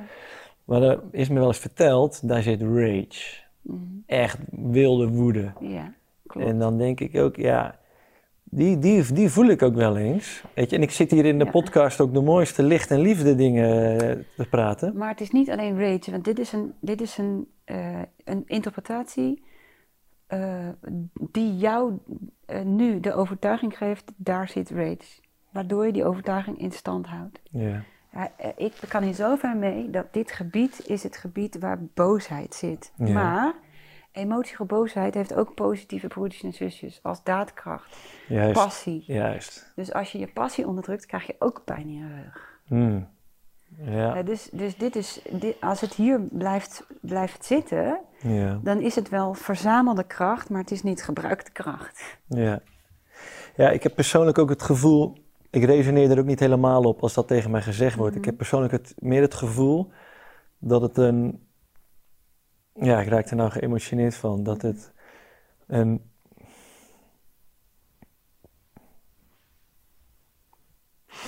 En dit is een heel interessant moment. Weet je waarom? Het moment dat de tranen opkomen, die komen exact op het moment dat er bij jou een gedachte voorbij kwam. ja, En die gedachte, die, daar wil je open voor staan, die wil je gaan zien. Want die gedachte is heel belangrijke, want de emotie gaat erop aan. En de emotie, in dit geval verdriet, zegt tegen jou, deze gedachte die nu voorbij komt, heb je eigenlijk niks aan, die mag je laten gaan. Dat is wat verdriet communiceert. ja, En tegelijk dat het dat communiceert, word je zacht. Als je je dan overgeeft. En met het zacht worden, laat je hem weer gaan. En dit is een zelfhelend proces. ja, hoe laat je hem gaan? Weet je, want wat ik, wat ik zo voel is echt een, een onbegrensd verdriet over het leed in de wereld en wat onder andere in de vorige podcast is besproken. Oké. Eh, eh, ik ga je de vraag stellen: wil je hem wel loslaten? En dit is een vraag die je niet moet denken, maar die moet je voelen. Wil je hem eigenlijk wel loslaten? Ja, als, eh, weet ik niet. Weet je, als dat betekent dat ik er dan niks meer maar aan doe, dan wil ik het niet loslaten. Precies. En dus wat er heel vaak onder verdriet zit, is een verlangen. En als dit een, een, een verlangen is die resoneert op daar waar jij in actie komt en je rol vervult, kan je hem niet laten gaan. Maar dan hoef je er per se ook niet onder te lijden. Want dan kan je hem gewoon zien als een, een idee die functioneel is voor jou om te doen waarvoor je dienstbaar bent. Ja. Want als je hem nu nog eens voorbij laat komen met deze informatie, hoe voelt hij dan? Nou, constructiever. Transformerend. Mhm, Ja. Het is nu functioneel geworden. En niet meer een bron van pijn. Kijk, Wat voor emotie krijg je nu op, als feedback als je nu over leed van de wereld denkt?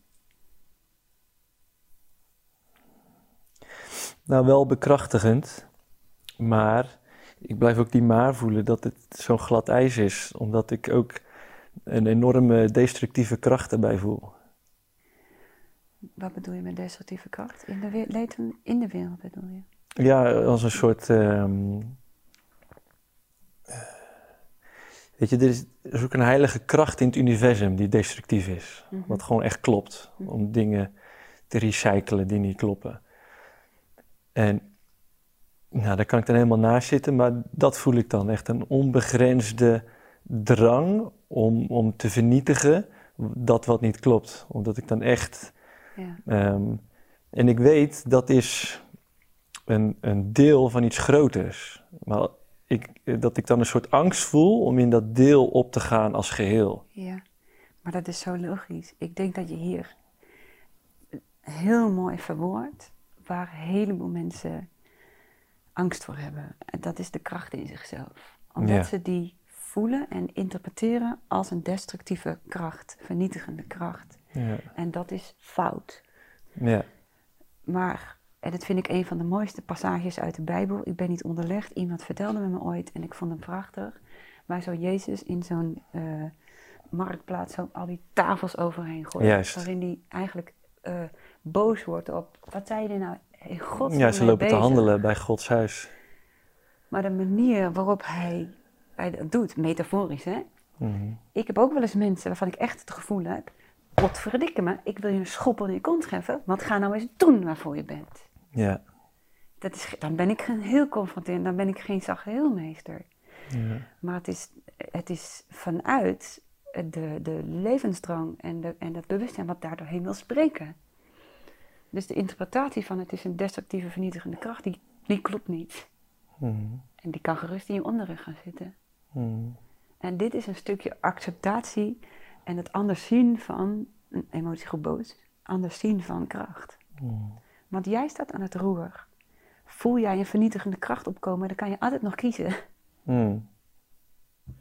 Nou, ik, ik denk ook dat het een soort opstapeling is eh, van weggestopt boosheid en verdriet. Mhm.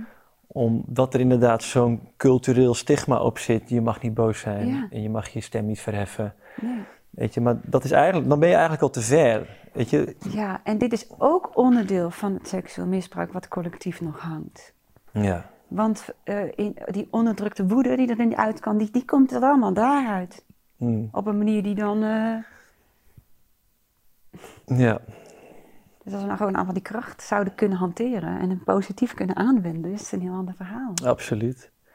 En ik zie mensen dat ook doen. Ja, Ehm, en die probeer ik dan ook aan te sporen. Ik heb vorige week een aantal mensen bericht gestuurd of ze die video wilden delen. Mhm.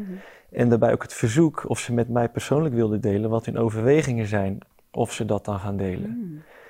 En bij sommige mensen heb ik het niet eens naartoe gestuurd. Terwijl ik het eigenlijk wel moet doen, maar dan denk ik niet eens zo bewust over na, want die gaat het toch niet delen. Terwijl ik dat wel als mensen zie die heel bewust hun boosheid weten te transformeren in daadkracht. Mensen die ik echt hoog heb zitten.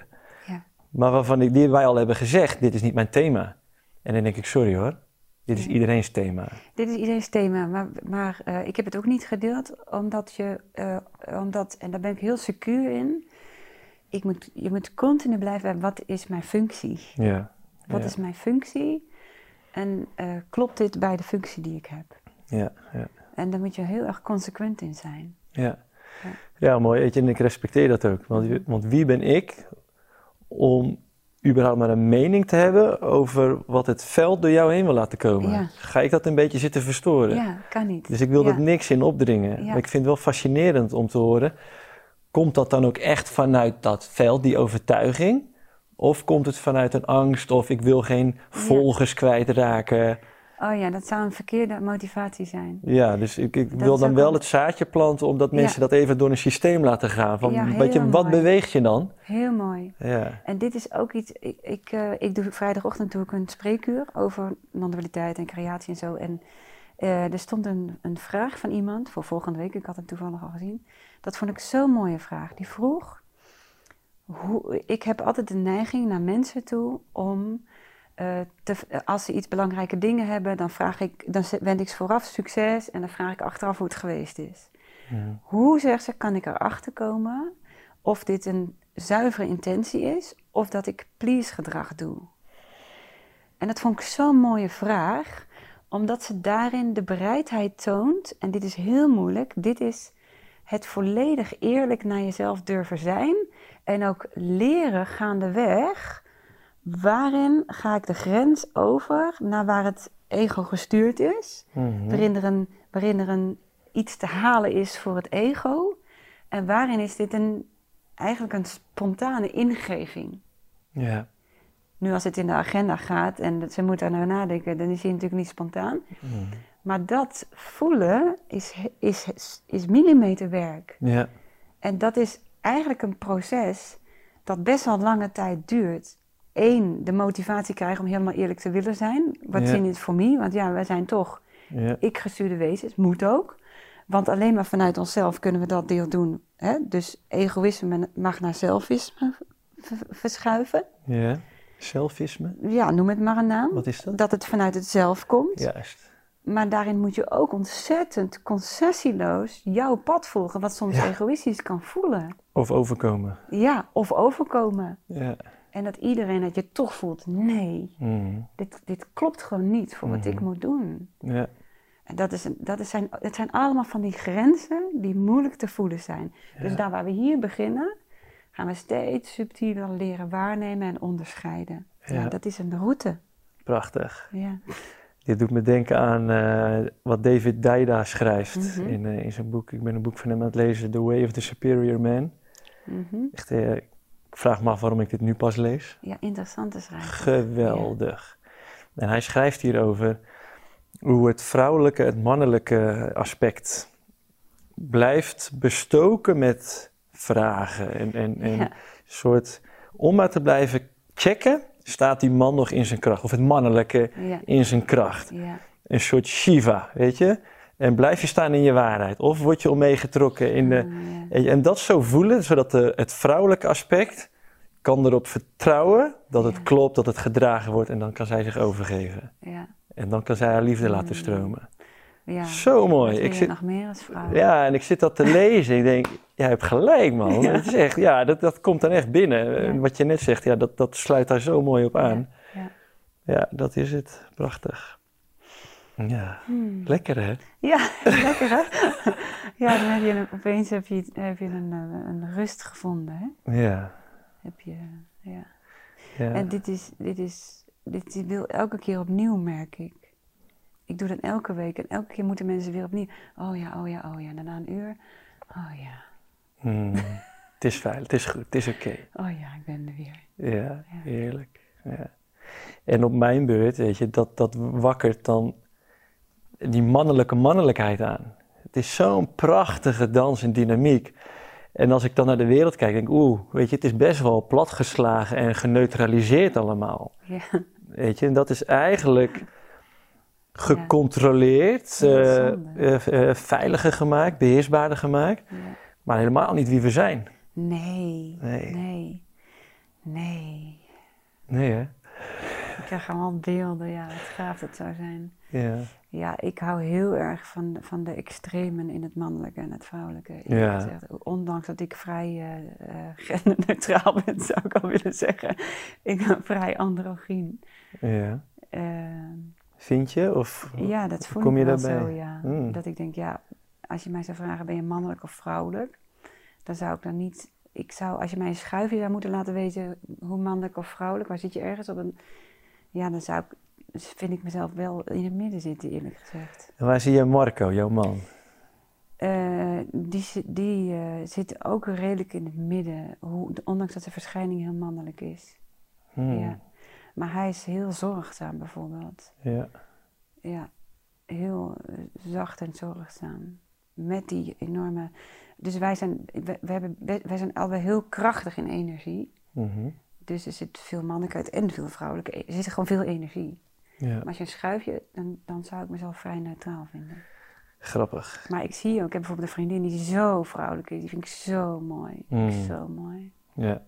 ja, ik kan er ook van genieten. Ook bij mannelijke mannen. Ik kan er gewoon van genieten als ik dat zie. Ja. Dan denk ik, ja, wow, krijgen, daar sta je. Ja, heel mooi. En mijn kinderen zie ik het ook. Dat, die, dat twee van de kinderen zijn vrij, heel, vrij neutraal. En die, en die jongetje, meisje, jongetje, meisje. En die onderste twee jongetje, meisje, die zijn juist wel heel erg veel meer extremer mannetje, vrouwtje. Ja. Ja, interessant. Ja, interessant. En eh, terwijl ik dit uitspreek, voel ik ook van ja, en ook hier zit weer de dwaling en de kaping op. Dat Ja. eh, vrouwen en mannen zich eh, als een rol op zich gaan nemen. Of dat Nee. macho gedrag Nee. en, het- en het uitsloven naar buiten toe. Het maakt niet uit wie, hè. Als ik ook kijk bij ons in het gezin. Dat Marco doet heel vaak de zorgzame taken. Mhm.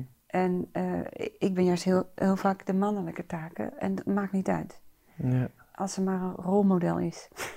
Als er maar grappig. iemand in ieder geval die- op zich pakt. Door wie het op dat moment Ja. het beste kan stromen.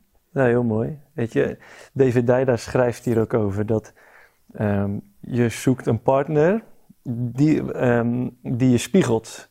Weet je, en, en daar ga je heel goed mee kunnen. En dat jullie al 22 jaar samen zijn, verbaast Ja. me dan niet dat jullie naar buiten toe elkaar spiegelen. Hij heel mannelijk, jij vrouwelijk, als ik het mag invullen. Mhm. Maar intern, zeg maar, wel neutraal. En, Heel en neutraal, ja. vullen jullie elkaar ook weer mooi aan. Ja.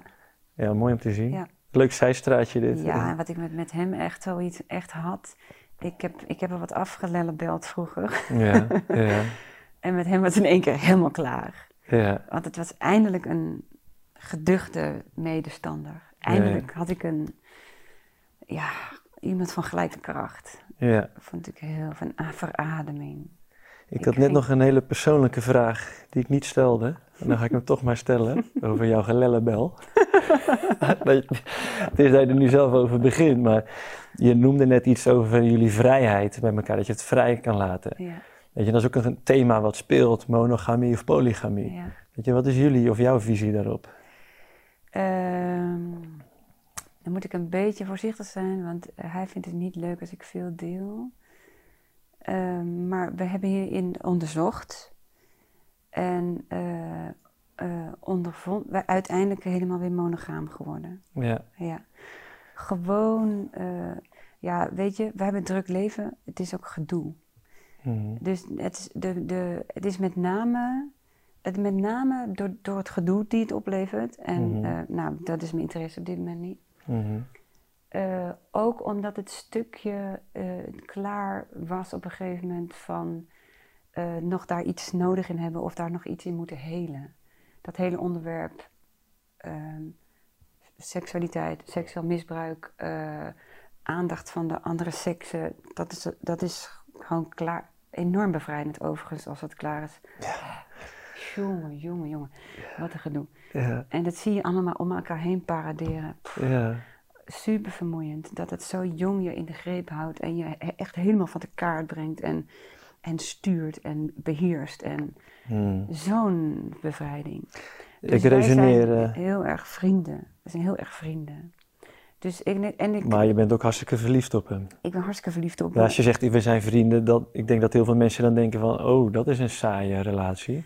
Maar je bent ook vrienden. We zijn ook vrienden. Jullie en we ook- hebben heel veel nog uit. We zijn heel erg uitwisselend. En, Ja.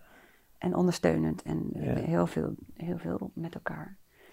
Hey, En we ik- zijn ja. 24-7 met elkaar ook nog eens. Ja, Ja, wel uniek, denk ik. ja, Maar, en zou er wat voorbij komen wat vlamt, eh, dan gaan we het in de groep gooien. mooi. En Mooi dat je die vrouw is, veiligheid- is dat wat makkelijker, denk ik, te verkroppen dan een man. Maar wat ook weer leuk zou zijn. Interessant. Maar zou ik op dit moment eh, ben ik druk met andere dingen. Ik vind het prachtig. Ik resoneer helemaal met wat je Ja. zegt. Weet je, als je het op voorhand ook al dichtzet, zo'n deur, voel je eigenlijk al dat er iets is wat niet kan of een soort... eh, Dat, Ja. daar stroomt het dan niet. Ja. Het Ook al je, gebeurt het dan Ik zie nooit? mensen die dat polyamorie eh, doen en het is natuurlijk een enorm gaaf experiment. Echt op het scherpst van de stenen, heel linker soep. Mhm. Je moet daar heel bewust je stappen in zetten. Dus het is heel verrijkend in dat proces van goed voelen. Want je bent een driehoek, hè? je kan niks achter de deur doen. Want Ja. alles wat je daar doet heeft invloed op, op relatie. Mhm. En daar zit ook een belangrijkheid. Dus je kan, je moet die stappen heel voorzichtig zitten. Ja. Ja. Maar het is, je moet dus heel, dus het is Nou ja, om het, heel om het, interessant experiment. Om het in, die, in die, onze vol aankomende cover uit te beelden, met die spiralen, die dubbele helix die naar elkaar toe gaat. Weet je, ik resoneer enorm op jouw verhaal. Ik voel zelf ook het thuiskomen in de monogamie en dat daar de, ja. de ultieme, de echte diep, ja, Ja, dieper. en echt een kasteel bouwen in plaats van verwateren en huisjes bouwen. Ja, Weet je, en, eh, maar daarmee wil ik daar niks in afwijzen. ja, Weet je, want jullie hebben daar ook mee. En, en het voelt voor mij als onderdeel van die naar binnen toe spiralen, die aantrekkingen. En je Ja. hebt dat een tijdje nodig. Het hoeft niet, het kan wel. kan. Ja, Ieder die, die, die creëert de setting in zijn leven waarop hij eh, zijn ding wil ontwikkelen. ja, Dus je hoeft het allemaal niet door. Als, alleen als het interessante ingrediënten heeft voor jou om te ontwikkelen. ja. Kijk, in mijn persoonlijke ervaring, wat ik zie om me heen, en dat is heel beperkt. Ik, bedoel, ik hoor ook hele mooie verhalen van anderen. In mijn beleving traumatiseert het vaker dan dat het heelt. Denk ik ook. En dat die spiraal naar buiten toe gaat in plaats van naar binnen toe. Ja, Dus als, ja, ik, ik, ja, ik ben er klaar mee. ja. Ja. bevrijdend hè? Heel bevrijdend. Ja. Ik echt ik hoor je. Ja. Maar überhaupt, om even met, ook met niemand te verbinden, is al bevrijdend. Om te voelen dat het helemaal niet hoeft. Ja. Dat je thuis bent in jezelf. Ja, super. Dat is zijn- zo bevrijdend. Dan moet je alles uit jezelf halen. Dat is zo bekrachtigend. Ja joh, en dan weet je, dit Ja. is altijd in mij. En dan kan je echt onafhankelijk gaan verbinden naar buiten toe. En dan durf je ook te benoemen als iets niet klopt. Van hé hey, vriend of vrouw. eh, Ja. En, en, en dan zit die spanning er ook niet op, want vaak wacht je.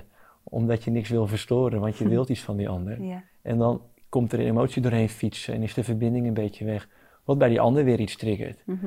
En dan zit je ineens te pingpongen over iets wat eigenlijk Precies. helemaal niet tot stand had hoeven komen. Exact. En dat, Ja. daar waakzaam op blijven. Ja, Want je voelt op het moment dat er een intentie komt vanuit ego, dan voelt hij onrustig, hij voelt verhardend, hij voelt verkrampend. Dat is gewoon niet fijn. nee. Dus hoe eerder je hem weer lek prikt, hoe, hoe eerder je weer op de A1 zit. De A1? Ja, je eigen route. Ah. Je het plan. Dat is grappig. Ik ben van, eh, van de A1 verhuisd. Ik ben van eh, Amsterdam verhuisd eh, twee jaar geleden. Oh, Na zo'n beetje de laatste afrit op Van de, de A1. Helemaal naar Twente. vandaar dat je, dat je daar resoneert. Ja, Zo, anders zit je niet meer lekker. ja grappig. Ehm, over non-dualiteit. Weet Ja. je, dat is echt, ik vind het prachtig hoe wij kunnen stromen met ons gesprek net. En ik ben ook blij met dat ik een paar dingen heb opgeschreven. Want die non-dualiteit en die eenheid vind ik prachtig. En mensen, ik hoor ze er vaak over. En wij willen ook uit die manier communiceren en schrijven in onze boeken. Maar, weet je, met de grootste, heftigste thema's, zoals de vorige podcast. Weet je, leg dat maar eens uit. Ja, dat is eigenlijk vrij simpel uit te leggen. Fijn, go for it. Eh, ja, het is overigens ook een onderwerp, als ik dit eens uitleg, dat het gros van de mensen het niet snapt en gaat met, met de rotte tomaten gooien. ja, maar dat is een, eh, ook een Dus heel mooi proces om van tevoren ik- te waarschuwen. Ja, En, ja, want waarop mensen aangaan is slachtofferschap mhm, en de horror. Dit is verschrikkelijk. En eh, eh, dan ineens uitgaan voor alles wat er gehoord wil worden. ja, Ehm, ik ga proberen zo goed mogelijk mijn visie te vertellen ja, over non-dualiteit en eh, eh, de ellende in de wereld. ja, non-dualiteit kun je wat mij betreft op drie niveaus zien. Ehm, vanuit het absolute, mhm. waar alles non-duaal is, dus niet duaal. Er is alleen maar één, de schepper. de schepper. Dan zou je het op de laag kunnen zien vanuit de ziel. Mhm. Vanuit de ziel heb je wel een soort van individualiteit. Daar heb je ook polariteit. Eh, daarin zijn we allemaal verbonden aan elkaar. Dus er is een eenheid in de soep, Ja. collectieve soep. Ehm, dus elke beweging die jij maakt is een beweging in het energieveld, waarin je het hele energieveld in beweging zet. Mhm. Dat. Dit is ook eh, waar we op aan- aantrekken, afstoten, maar dat doen we in deze driedimensionale laag op persoonlijkheidsniveau. En dat is weer een laag waarop je non-dualiteit zou kunnen benaderen. Vanuit deze laag heeft het eigenlijk te maken met projecties. Alles wat ik om me heen zie, zie ik door mijn gekleurde bril heen. Ja. En zie ik omdat het een projectie is van wat ik heb geprojecteerd. Mhm. Dat. Dan zou je kunnen zeggen, alles is ik. Mhm. Ik op persoonlijkheidsniveau. De ik die, de ik-beelden met alle overtuigingen. Ik-beeld. Dat is een heel ander ik Ja. dan dit. Mhm. Dat zou je ook ik kunnen noemen. Maar is, is het grote bewustzijn. Dit zou je ook ik kunnen noemen. Ja. Maar is meer zielsperspectief. Ja. En al die drie lagen zijn bewustzijnslagen. Dus geen waarheden per se. ja. En ja, vallen eigenlijk weer allemaal in dit grote bewustzijn. Om het even te vertalen voor mijn begrip, misschien zit ik er ook naar. Die, dat laagste niveau, het, het fysieke. De ik is dan meer de, door de eigen ogen gezien, de wereld. Mhm. Het zielsniveau is meer het intuïtieve. Ja, waarin, waarin we dus allemaal verbonden zijn met elkaar. Dus daar, Ja. daar, daar hou je dus, dat includeert dus de, de medemens. Dit niet. Dit is Juist. exclusief de medemens. Exact, ja. Dit is inclusief de medemensen en alle toen en straks. ja. Voor deze man met die witte baard maakt het allemaal helemaal geen fluit uit wat wij hier creëren. Die draagt gewoon. Ja, en dat is de ik. En dan is de ik best wel een grap, want het is wij, het is alles. Het En is... dit, is het, dit is eigenlijk het goddelijke principe, het de creatieve energie. Hier kan je nooit zeggen, ehm, eh, God heeft het goed met ons bedoeld.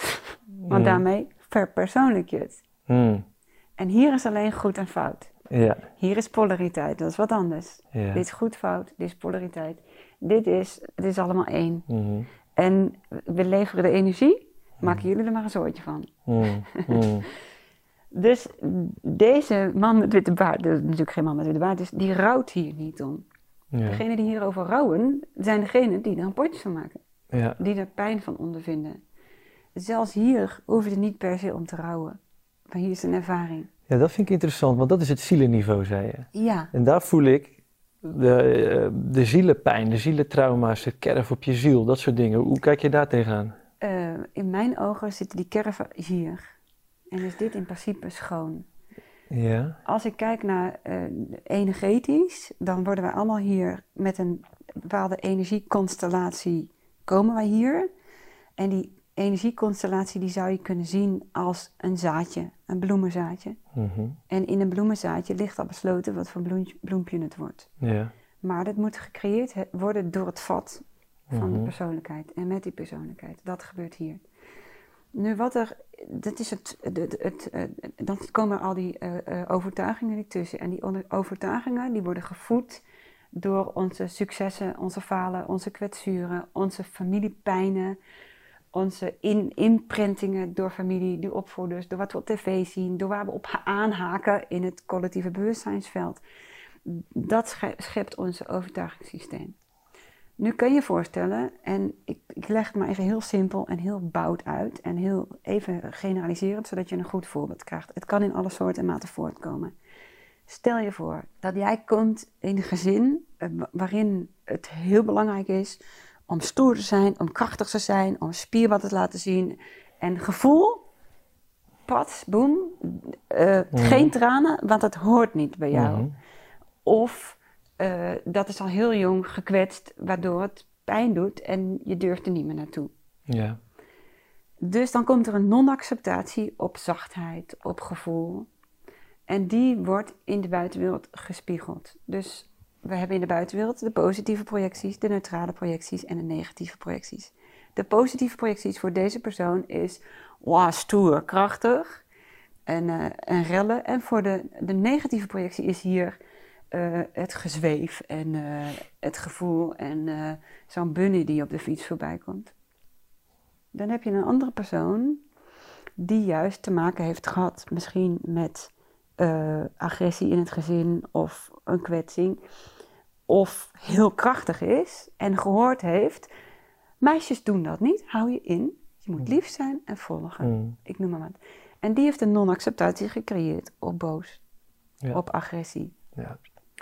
Hoe meer wij dus een non-acceptatie in onszelf hebben, een soort van oorlog voeren tegen alles wat duister is, hoe meer wij dat in ons gespiegel, in onze buitenwereld gespiegeld moeten krijgen, omdat wij onze binnenwereld niet alleen projecteren, maar wij willen hem ook zien om onszelf weer te zuiveren. Ja, dus de buitenwereld Mhm, is dusdanig in- ingericht mhm. om jou eruit te halen. Om...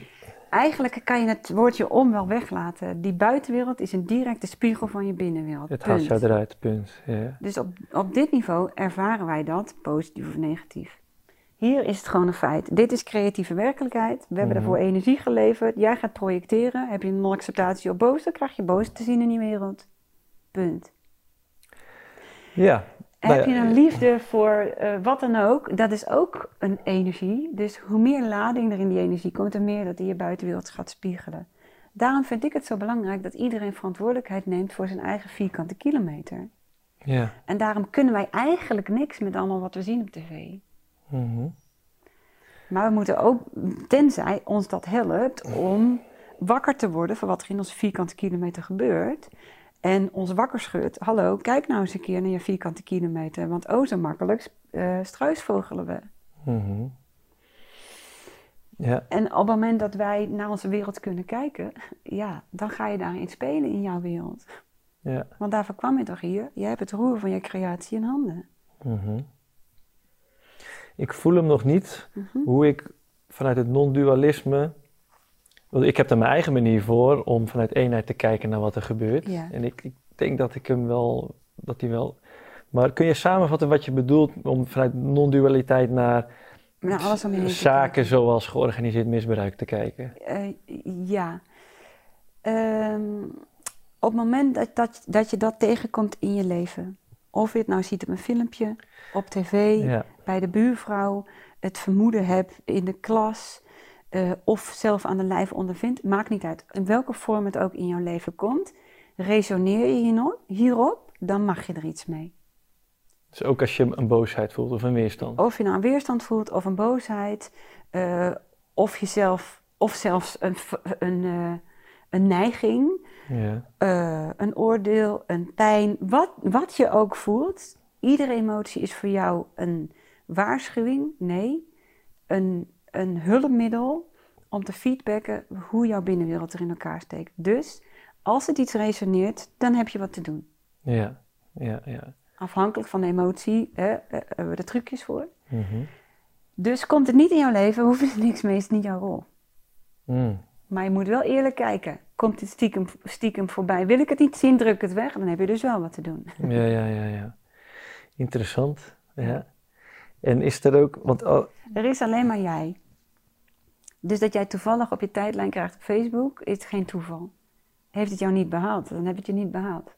nou dat valt me wel op, dat ik soms dingen, want ik open niet, Nou is Facebook natuurlijk weer slim geprogrammeerd en zo, hè? dus ja, dat is ook weer niet natuurlijk. Dus ik maar dat is ook iets om aan te kijken. Absoluut. Het is iets geprogrammeerd, Absoluut. wat ons probeert te verstoren, hè? volgens, eh, Ja, dus emoties zijn wat, dat, wat mij betreft het sleutel ja. om eerlijk te kunnen kijken. Maar ik Ja. kijk liever naar mijn eigen wereld dan naar eh, tv. ja. En jij kan dus ook niet in een veroordeling schieten. Iedereen kan in een veroordeling schieten, dus ik ook, want iedereen is mens. Ja, Maar op het moment dat die veroordeling komt, is die niet goed voor mij. Dus die ga ik Mhm. gelijk bekijken. ja, ja, Wat maakt dat ik hierover wil oordelen? Hoe voelt het als ik dit aankijk? Ja, Kan ik er zacht in worden? Wil er nog iets mee? Dat soort vragen. ja.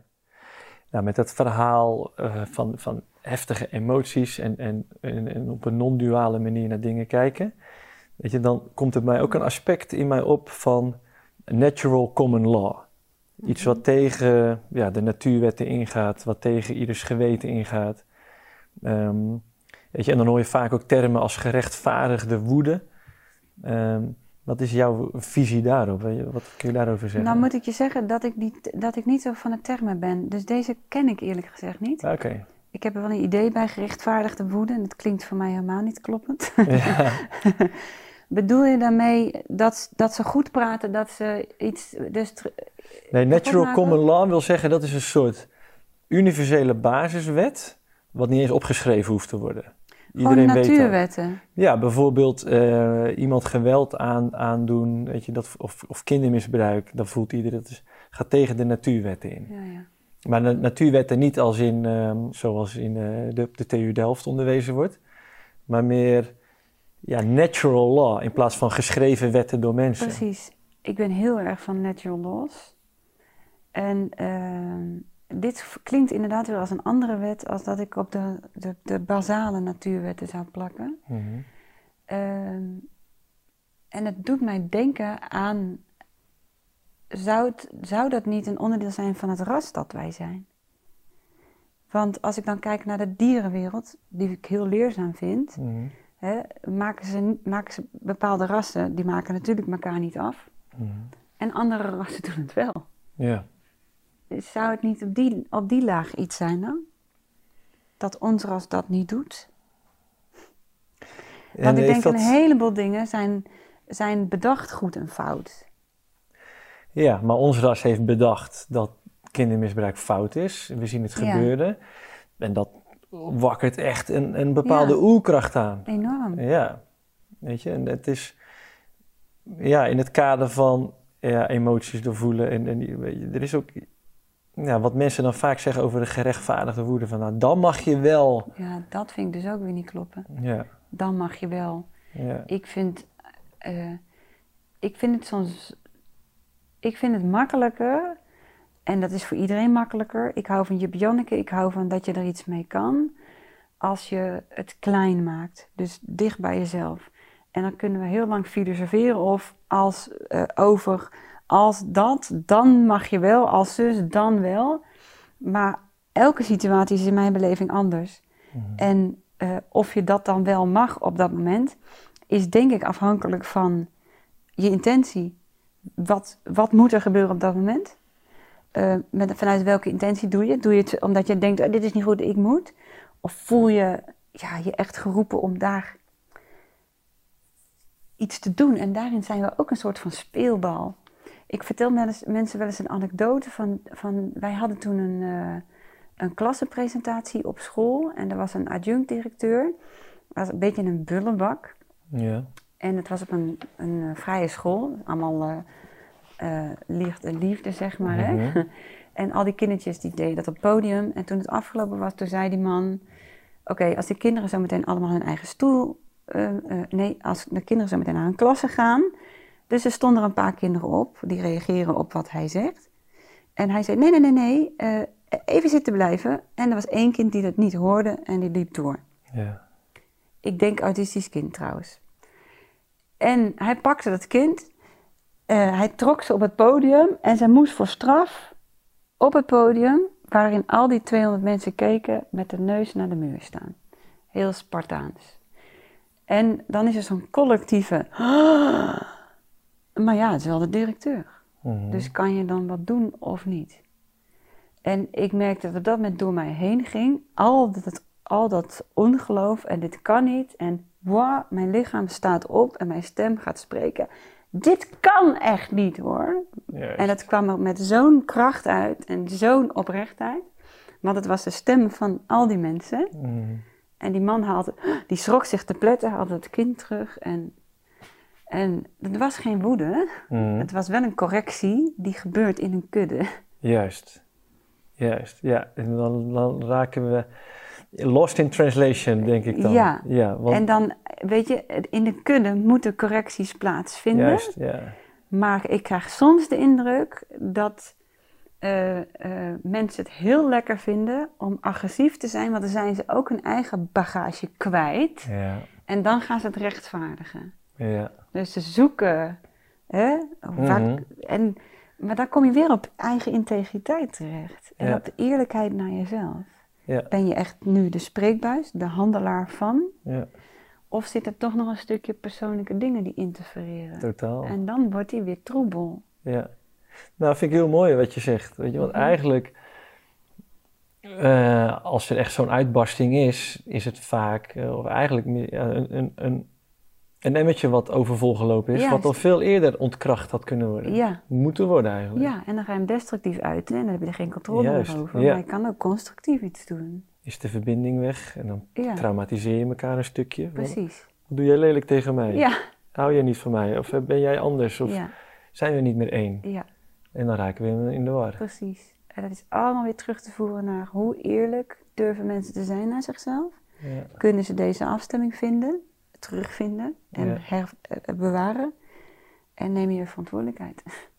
ja, prachtig. ja. ja, in het, in het verlengde hiervan, weet je, wat ook voor mij een groot thema is. Ik kom uit een gezinscultuur waarin er best wel veel oordeel was op elkaar. Mhm. En niet alleen kritiek, maar gewoon Mhm. geanalyseerd, elkaar in de Mhm. gaten houden. Weet je, en wat, wat, wat, wat doet dat met jou? Hoe Kijk jij daar tegenaan? De, de emotie van beoordeeld worden. Zowel complimenten als kritiek. Ehm, ik hou niet zo van eh, oordelen.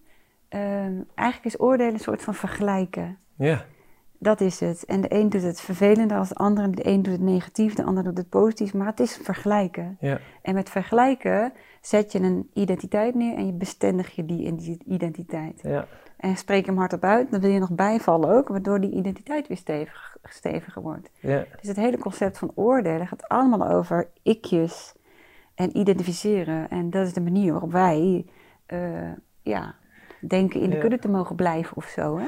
precies. En dat, dat voel ik dus ook. Dan, dan krijgen we wel eens eh compliment op eh, de podcast bijvoorbeeld. En Ja.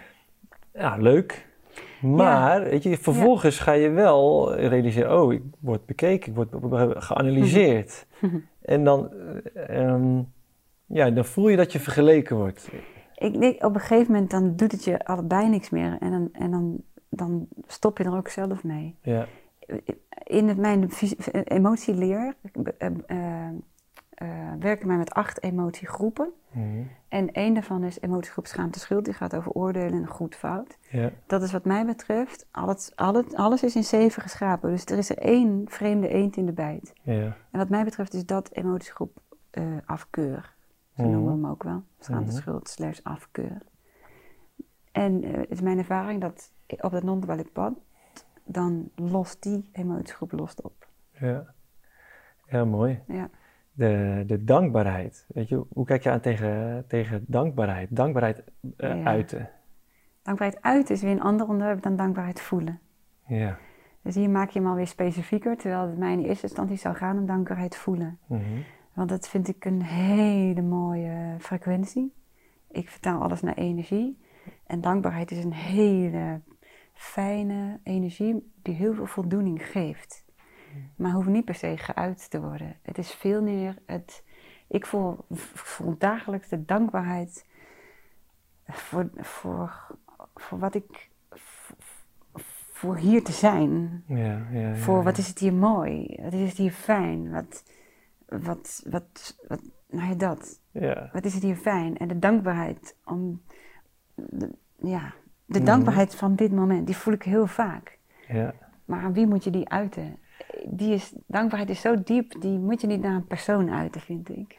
ja, heel grappig wat je zegt. Ja, maar het is een meer universeel, naar het universum gericht. Ja. Ja, dat is het. En dan komt het Ja. weer terug bij jezelf. ja. En dit is, ik heb er ook eens een keer in de verwondering En gezeten niet alleen bij jezelf, je stuurt die energie ook natuurlijk. Dit Ja, is ook wat dan om je heen circulair. hangt. Ja. Ja, En in het verlengde daarvan eh, applaus voor iemand. Ik heb dat wel eens iemand zo mooi horen zeggen. Dat ook een soort energetische hiërarchie eh, veroorzaakt. Of een soort eh, onbalans of zo. Wat, wat, is jouw, wat is jouw kijk op eh, applaus geven? eh, Applaus. Ja, als ik zeg in een theater zit of zo, dan vind ik het altijd een soort van. En dan, moet dan, dan duurt het ook maar vijf minuten. Ja, Vreselijk. ja, Maar ik kan me ook een moment voorstellen dat je echt zo blij bent met wat iemand heeft gedaan. En echt ook dankbaar naar de persoon bent. Dat je, daar, dat je dan wel ja. dat Ja. voelt als een uiting van, van blijdschap en verwondering en bewondering. En dan is hij natuurlijk wel heel oprecht. Dus Hmm. ja, het woord applaus, je kan, het is al, allemaal weer intentie vanuit waar komt het. Ja, zelf, eh, ik vind het altijd vervelend om applaus te krijgen. Ik krijg ook nooit applaus. Dat weten ze ook van mij dat ik het niet leuk vind. Ja. Want ik vind het heel gekunsteld. Ja, Maar er zijn wel altijd mensen die, de- die dan de behoefte voelen toch om de dankbaarheid te, te uiten en te tonen. En dat is dan weer een stukje zelfexpressie. Hè? ja. En ja, ik zie dat het voor hun dan belangrijk is, want dat is, het, het geven is fijn. ja. En nou, voor mij maakt dat hoeft niet Nee, per mooi. se. Nee, ik herken dat. Ik geef nou wel eens lezingen over wat ik heb gezien. En, dan- en dan vraag ik ook aan mensen om niet te klappen. Ja, Want ik vind het al een enorme trigger om te midden te staan voor een groep alsof Ja. het om mij draait. Terwijl ik juist kom brengen dat we super gelijkwaardig zijn. Echt, echt prachtig. ja, En dan de setting is al een soort van ongelijkwaardig vanuit een oude blik gezien. Oh, nu ga ik het even vertellen. ja. Die, die heb ik wel moeten accepteren overigens. Ja, ik accepteer hem Want, ook. want je hebt een, een rol van teacher, zeg maar, Ja. en die is ongelijkwaardig. Maar hij is daardoor functioneel. Ja, Maar aan het eind van het ritje moeten ze weer gelijkwaardig komen. precies. De rol is tijdelijk ongelijkwaardig. Hè? Je- Ja. Het is een soort van inrichting En eventjes. niet vanuit de leraar is hij niet ongelijkwaardig. Die mag niet ongelijkwaardig zijn, vind ik. Niet? Vanuit de leraar niet. Dus Nee, ja. die vind ik, zeker als het over dit gebied gaat, moet kijken vanuit ongelijkwaardigheid. Maar die, als het over non-dualiteit gaat, voel je ook geen ongelijkwaardigheid. Nee, klopt. Maar ik heb wel moeten accepteren, ja, hij hoort er wel bij in de overdracht. Ja. Ja. Bij mij triggert die ook eh, oude patronen, zeg maar. Ik ben al heel op stikkenjacht geweest. Zo ben ik gewoon Ah, opgegroeid. En, en, Ja. en als ik dan applaus krijg, dan, dan voel ik me juist in, in die ongelijkwaardigheid geduwd. Precies, die is heel vervelend. Ja. Toen, ik, toen ik begon met, eh, met eh, lezingen geven, dan ging ik altijd op een poefje op de grond zitten. En in het begin dan kon dat, maar dan werden de zalen voller, dus dan deed ik stoelen daaromheen en dan zat ik nog steeds op het poefje. Ja. Maar toen waren er twee rijen dik, dus poefjes, stoelen en nog meer stoelen, dan konden ze mij niet meer zien. Ja. En toen moest ik op een stoel gaan zitten en later ben ik gewoon gaan staan. Maar dat vond ik zo moeilijk, Ja, ja, ja. alsof ik meer was dan een ander. Ja. Vreselijk vond ik dat. ja. Eh, Totdat ik, totdat ik op een gegeven moment ook mensen naar voren ging halen en dan helemaal zo in zo'n rol kwam. Mhm. En, maar dat werkte zo goed dat ik toen heb gezegd, dienstbaar, oké, als dit moet, dan moet het maar. Mhm. Ik vind het niet leuk, maar dat, dan moet het maar. Ja, Ja. grappig. Ja. Nou, hey, ik eh, denk dat we wel eens een beetje aan het einde zijn gekomen. ik zou je nog één laatste vraag willen stellen. En dat is, heb jij nog iets te zeggen wat je graag kwijt wil? Nee, dat is, eh, dat, dat, eh, dat is een hele moeilijke vraag, want Ja. ik ben een echo. Dus ik, ik reageer op, de, op. Dus als je zegt: heb je iets aan mij te zeggen, wordt het dan een andere vraag. Of heb je iets over hem te zeggen, dan wordt het een andere vraag. Maar heb je iets te zeggen? Nou, je mag hem op mij Eh, is richten. die heel erg open, zeg maar.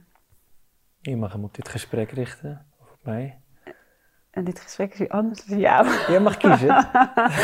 Maar het, het leuke van dit, wat nu te gebeurt, is het is dus heel expliciet dat, dat, dat, dat er, als er zo direct iets gevraagd wordt, moet je heel direct en heel subtiel, heel secuur reageren. Mhm. Ik hou ervan om te voelen wat er gezegd wil worden en dan heel secuur woorden te zoeken, Mhm. zodat de woorden ook kloppen en resoneren bij wat er gezegd wil worden. Oh, En soms in een zin heb ik een verkeerd woord, Ja. een ander woord. ja. Dus dit is een, dit is een belangrijke onderscheid. Ja, en ik geloof dat we op, op een dag echt waarsprekers worden. Mhm. Dat we voordat we iets uitspreken het al voelen. Dat er Ja, alleen maar zuiverheid over je lippen komt. Ik weet in het begin van mijn zin niet hoe de zin eindigt. Ja, ja. Het, is, het is echt een, het, worden, het zijn staccato woorden die zinnen Ja. vormen. En toen ik zei, heb je het opgeschreven? Toen had ik ontdekt dat het een hele lange zin was. ja. Daarom zei ik dat, want ik was verrast dat hij zo lang was geworden. ja, ja. Nou, dat is leuk om op die manier te communiceren. Ik vertelde het voor het interview al. Hmm. Dat heb ik getraind. Hmm. Dat heb ik getraind door. Het was een spelletje voor mezelf. En dan ging ik eh, de polder in wandelen. En dan ging ik alles wat, wat ik voelde, ging ik Ja. klank geven. En Ja. ik had de spelregel: ik mag niet een liedje doen. Nee, mag niet Dus- op een melodie gaan lijken Nee. die je kent. Dan moet ik opnieuw beginnen. Dus alleen maar klank. En dit trainde mij om heel goed te voelen wat de klanken hoorden bij wat ik voelde. En dat zijn later woorden geworden. Mhm. Heb je iets tegen mij te zeggen? Ter afsluiting van dit gesprek. Eh, ja, ik, eh, maar dat, nu spreekt Vera, ik wil je vaker zien. Dat vind ik leuk, ja, want nou je bent leuk om mee te spelen. Ja. Sorry voor het woord. Ja. Leuke interactie. Eh, als ik dieper moest kijken naar jou, ehm, dan komt er een zucht in me op. En dat wil ik je voordoen. Hmm. Dat komt in me op.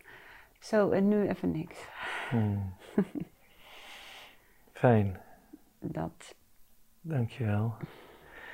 Ja, ik eh, voel dat ook. Weet je, het is echt, ik vind het heerlijk om zo te kunnen kaatsen en te verdiepen en te laten verrassen. ja. Ja, ik had geen idee en jij ook niet. En dat is juist het mooie. Ik ben trouwens uitgenodigd, dat vertelde ik net al voor het gesprek eventjes, door, door een kijker van de podcast. En die had mijn verhaal over Mitra gehoord. Een personage in een boek van Geert Kimpen. Mhm. Dat ik dat zo prachtig vond. Zij danst alleen maar vanuit het moment, Ah, ja. intuïtief. Mhm. Niet, en ze zal dat nooit meer herhalen. Weet je, en zij nodigt hem uit. Ja, eh, wij, wij doen weekenden waarin we samenkomen. Er is van alles gefaciliteerd, maar niks afgesproken. Ah ja, te gek. En kijk maar of je komt, je hoeft niet af te zeggen. Ja. En, ja, iets in dat hele verhaal vind ik zo hilarisch. En zo'n ode aan het toekomstige moment. Ja. Dat je Ja. daar ruimte aan geeft wat er kan ontstaan. Ja. En dat vind ik heerlijk. Ja. Dat voelt voor mij echt als thuiskomen in het moment. En daar, daar ja, respect en, en, en omarming en liefde voor, voor dat moment. Ja. Weet je, niet dat al blokkeren met je plannetje van nu. Dan gaan we dat doen. Ja. Weet je, dat, dat voel ik zo eh, in het- eh, bij jou in je andere gesprekken die ik van jou heb gezien. Ja, en dat echt, echt eh, kijken. Wauw, ik ben benieuwd wat je gaat ervaren. Ja, let's see. En hoe vrij dan de mensen zijn, hè? Ja, ja. Ja. Nou, dankjewel. Jij ook, ik vond het heel leuk. Ja, leuk. nou, eh, lieve kijkers, ik hoop dat jullie het ook leuk hebben gevonden. Eh, kan je dit gesprek waarderen? Geef het dan een like. En, eh, dan komt het hoger in de ratings, kunnen meer mensen hiervan genieten. Ga naar onze website www.tijdboeklumens.nl voor meer van dit. Wij draaien op financiële donaties en boekverkopen. Ons tweede boek komt er eh, gauw aan, hopelijk voor kerst. We gaan het zien. Ehm, je kunt je ook abonneren op dit kanaal, zet de meldingen aan of abonneer je op onze nieuwsbrief. Dan krijg je ook meldingen van allerlei evenementen.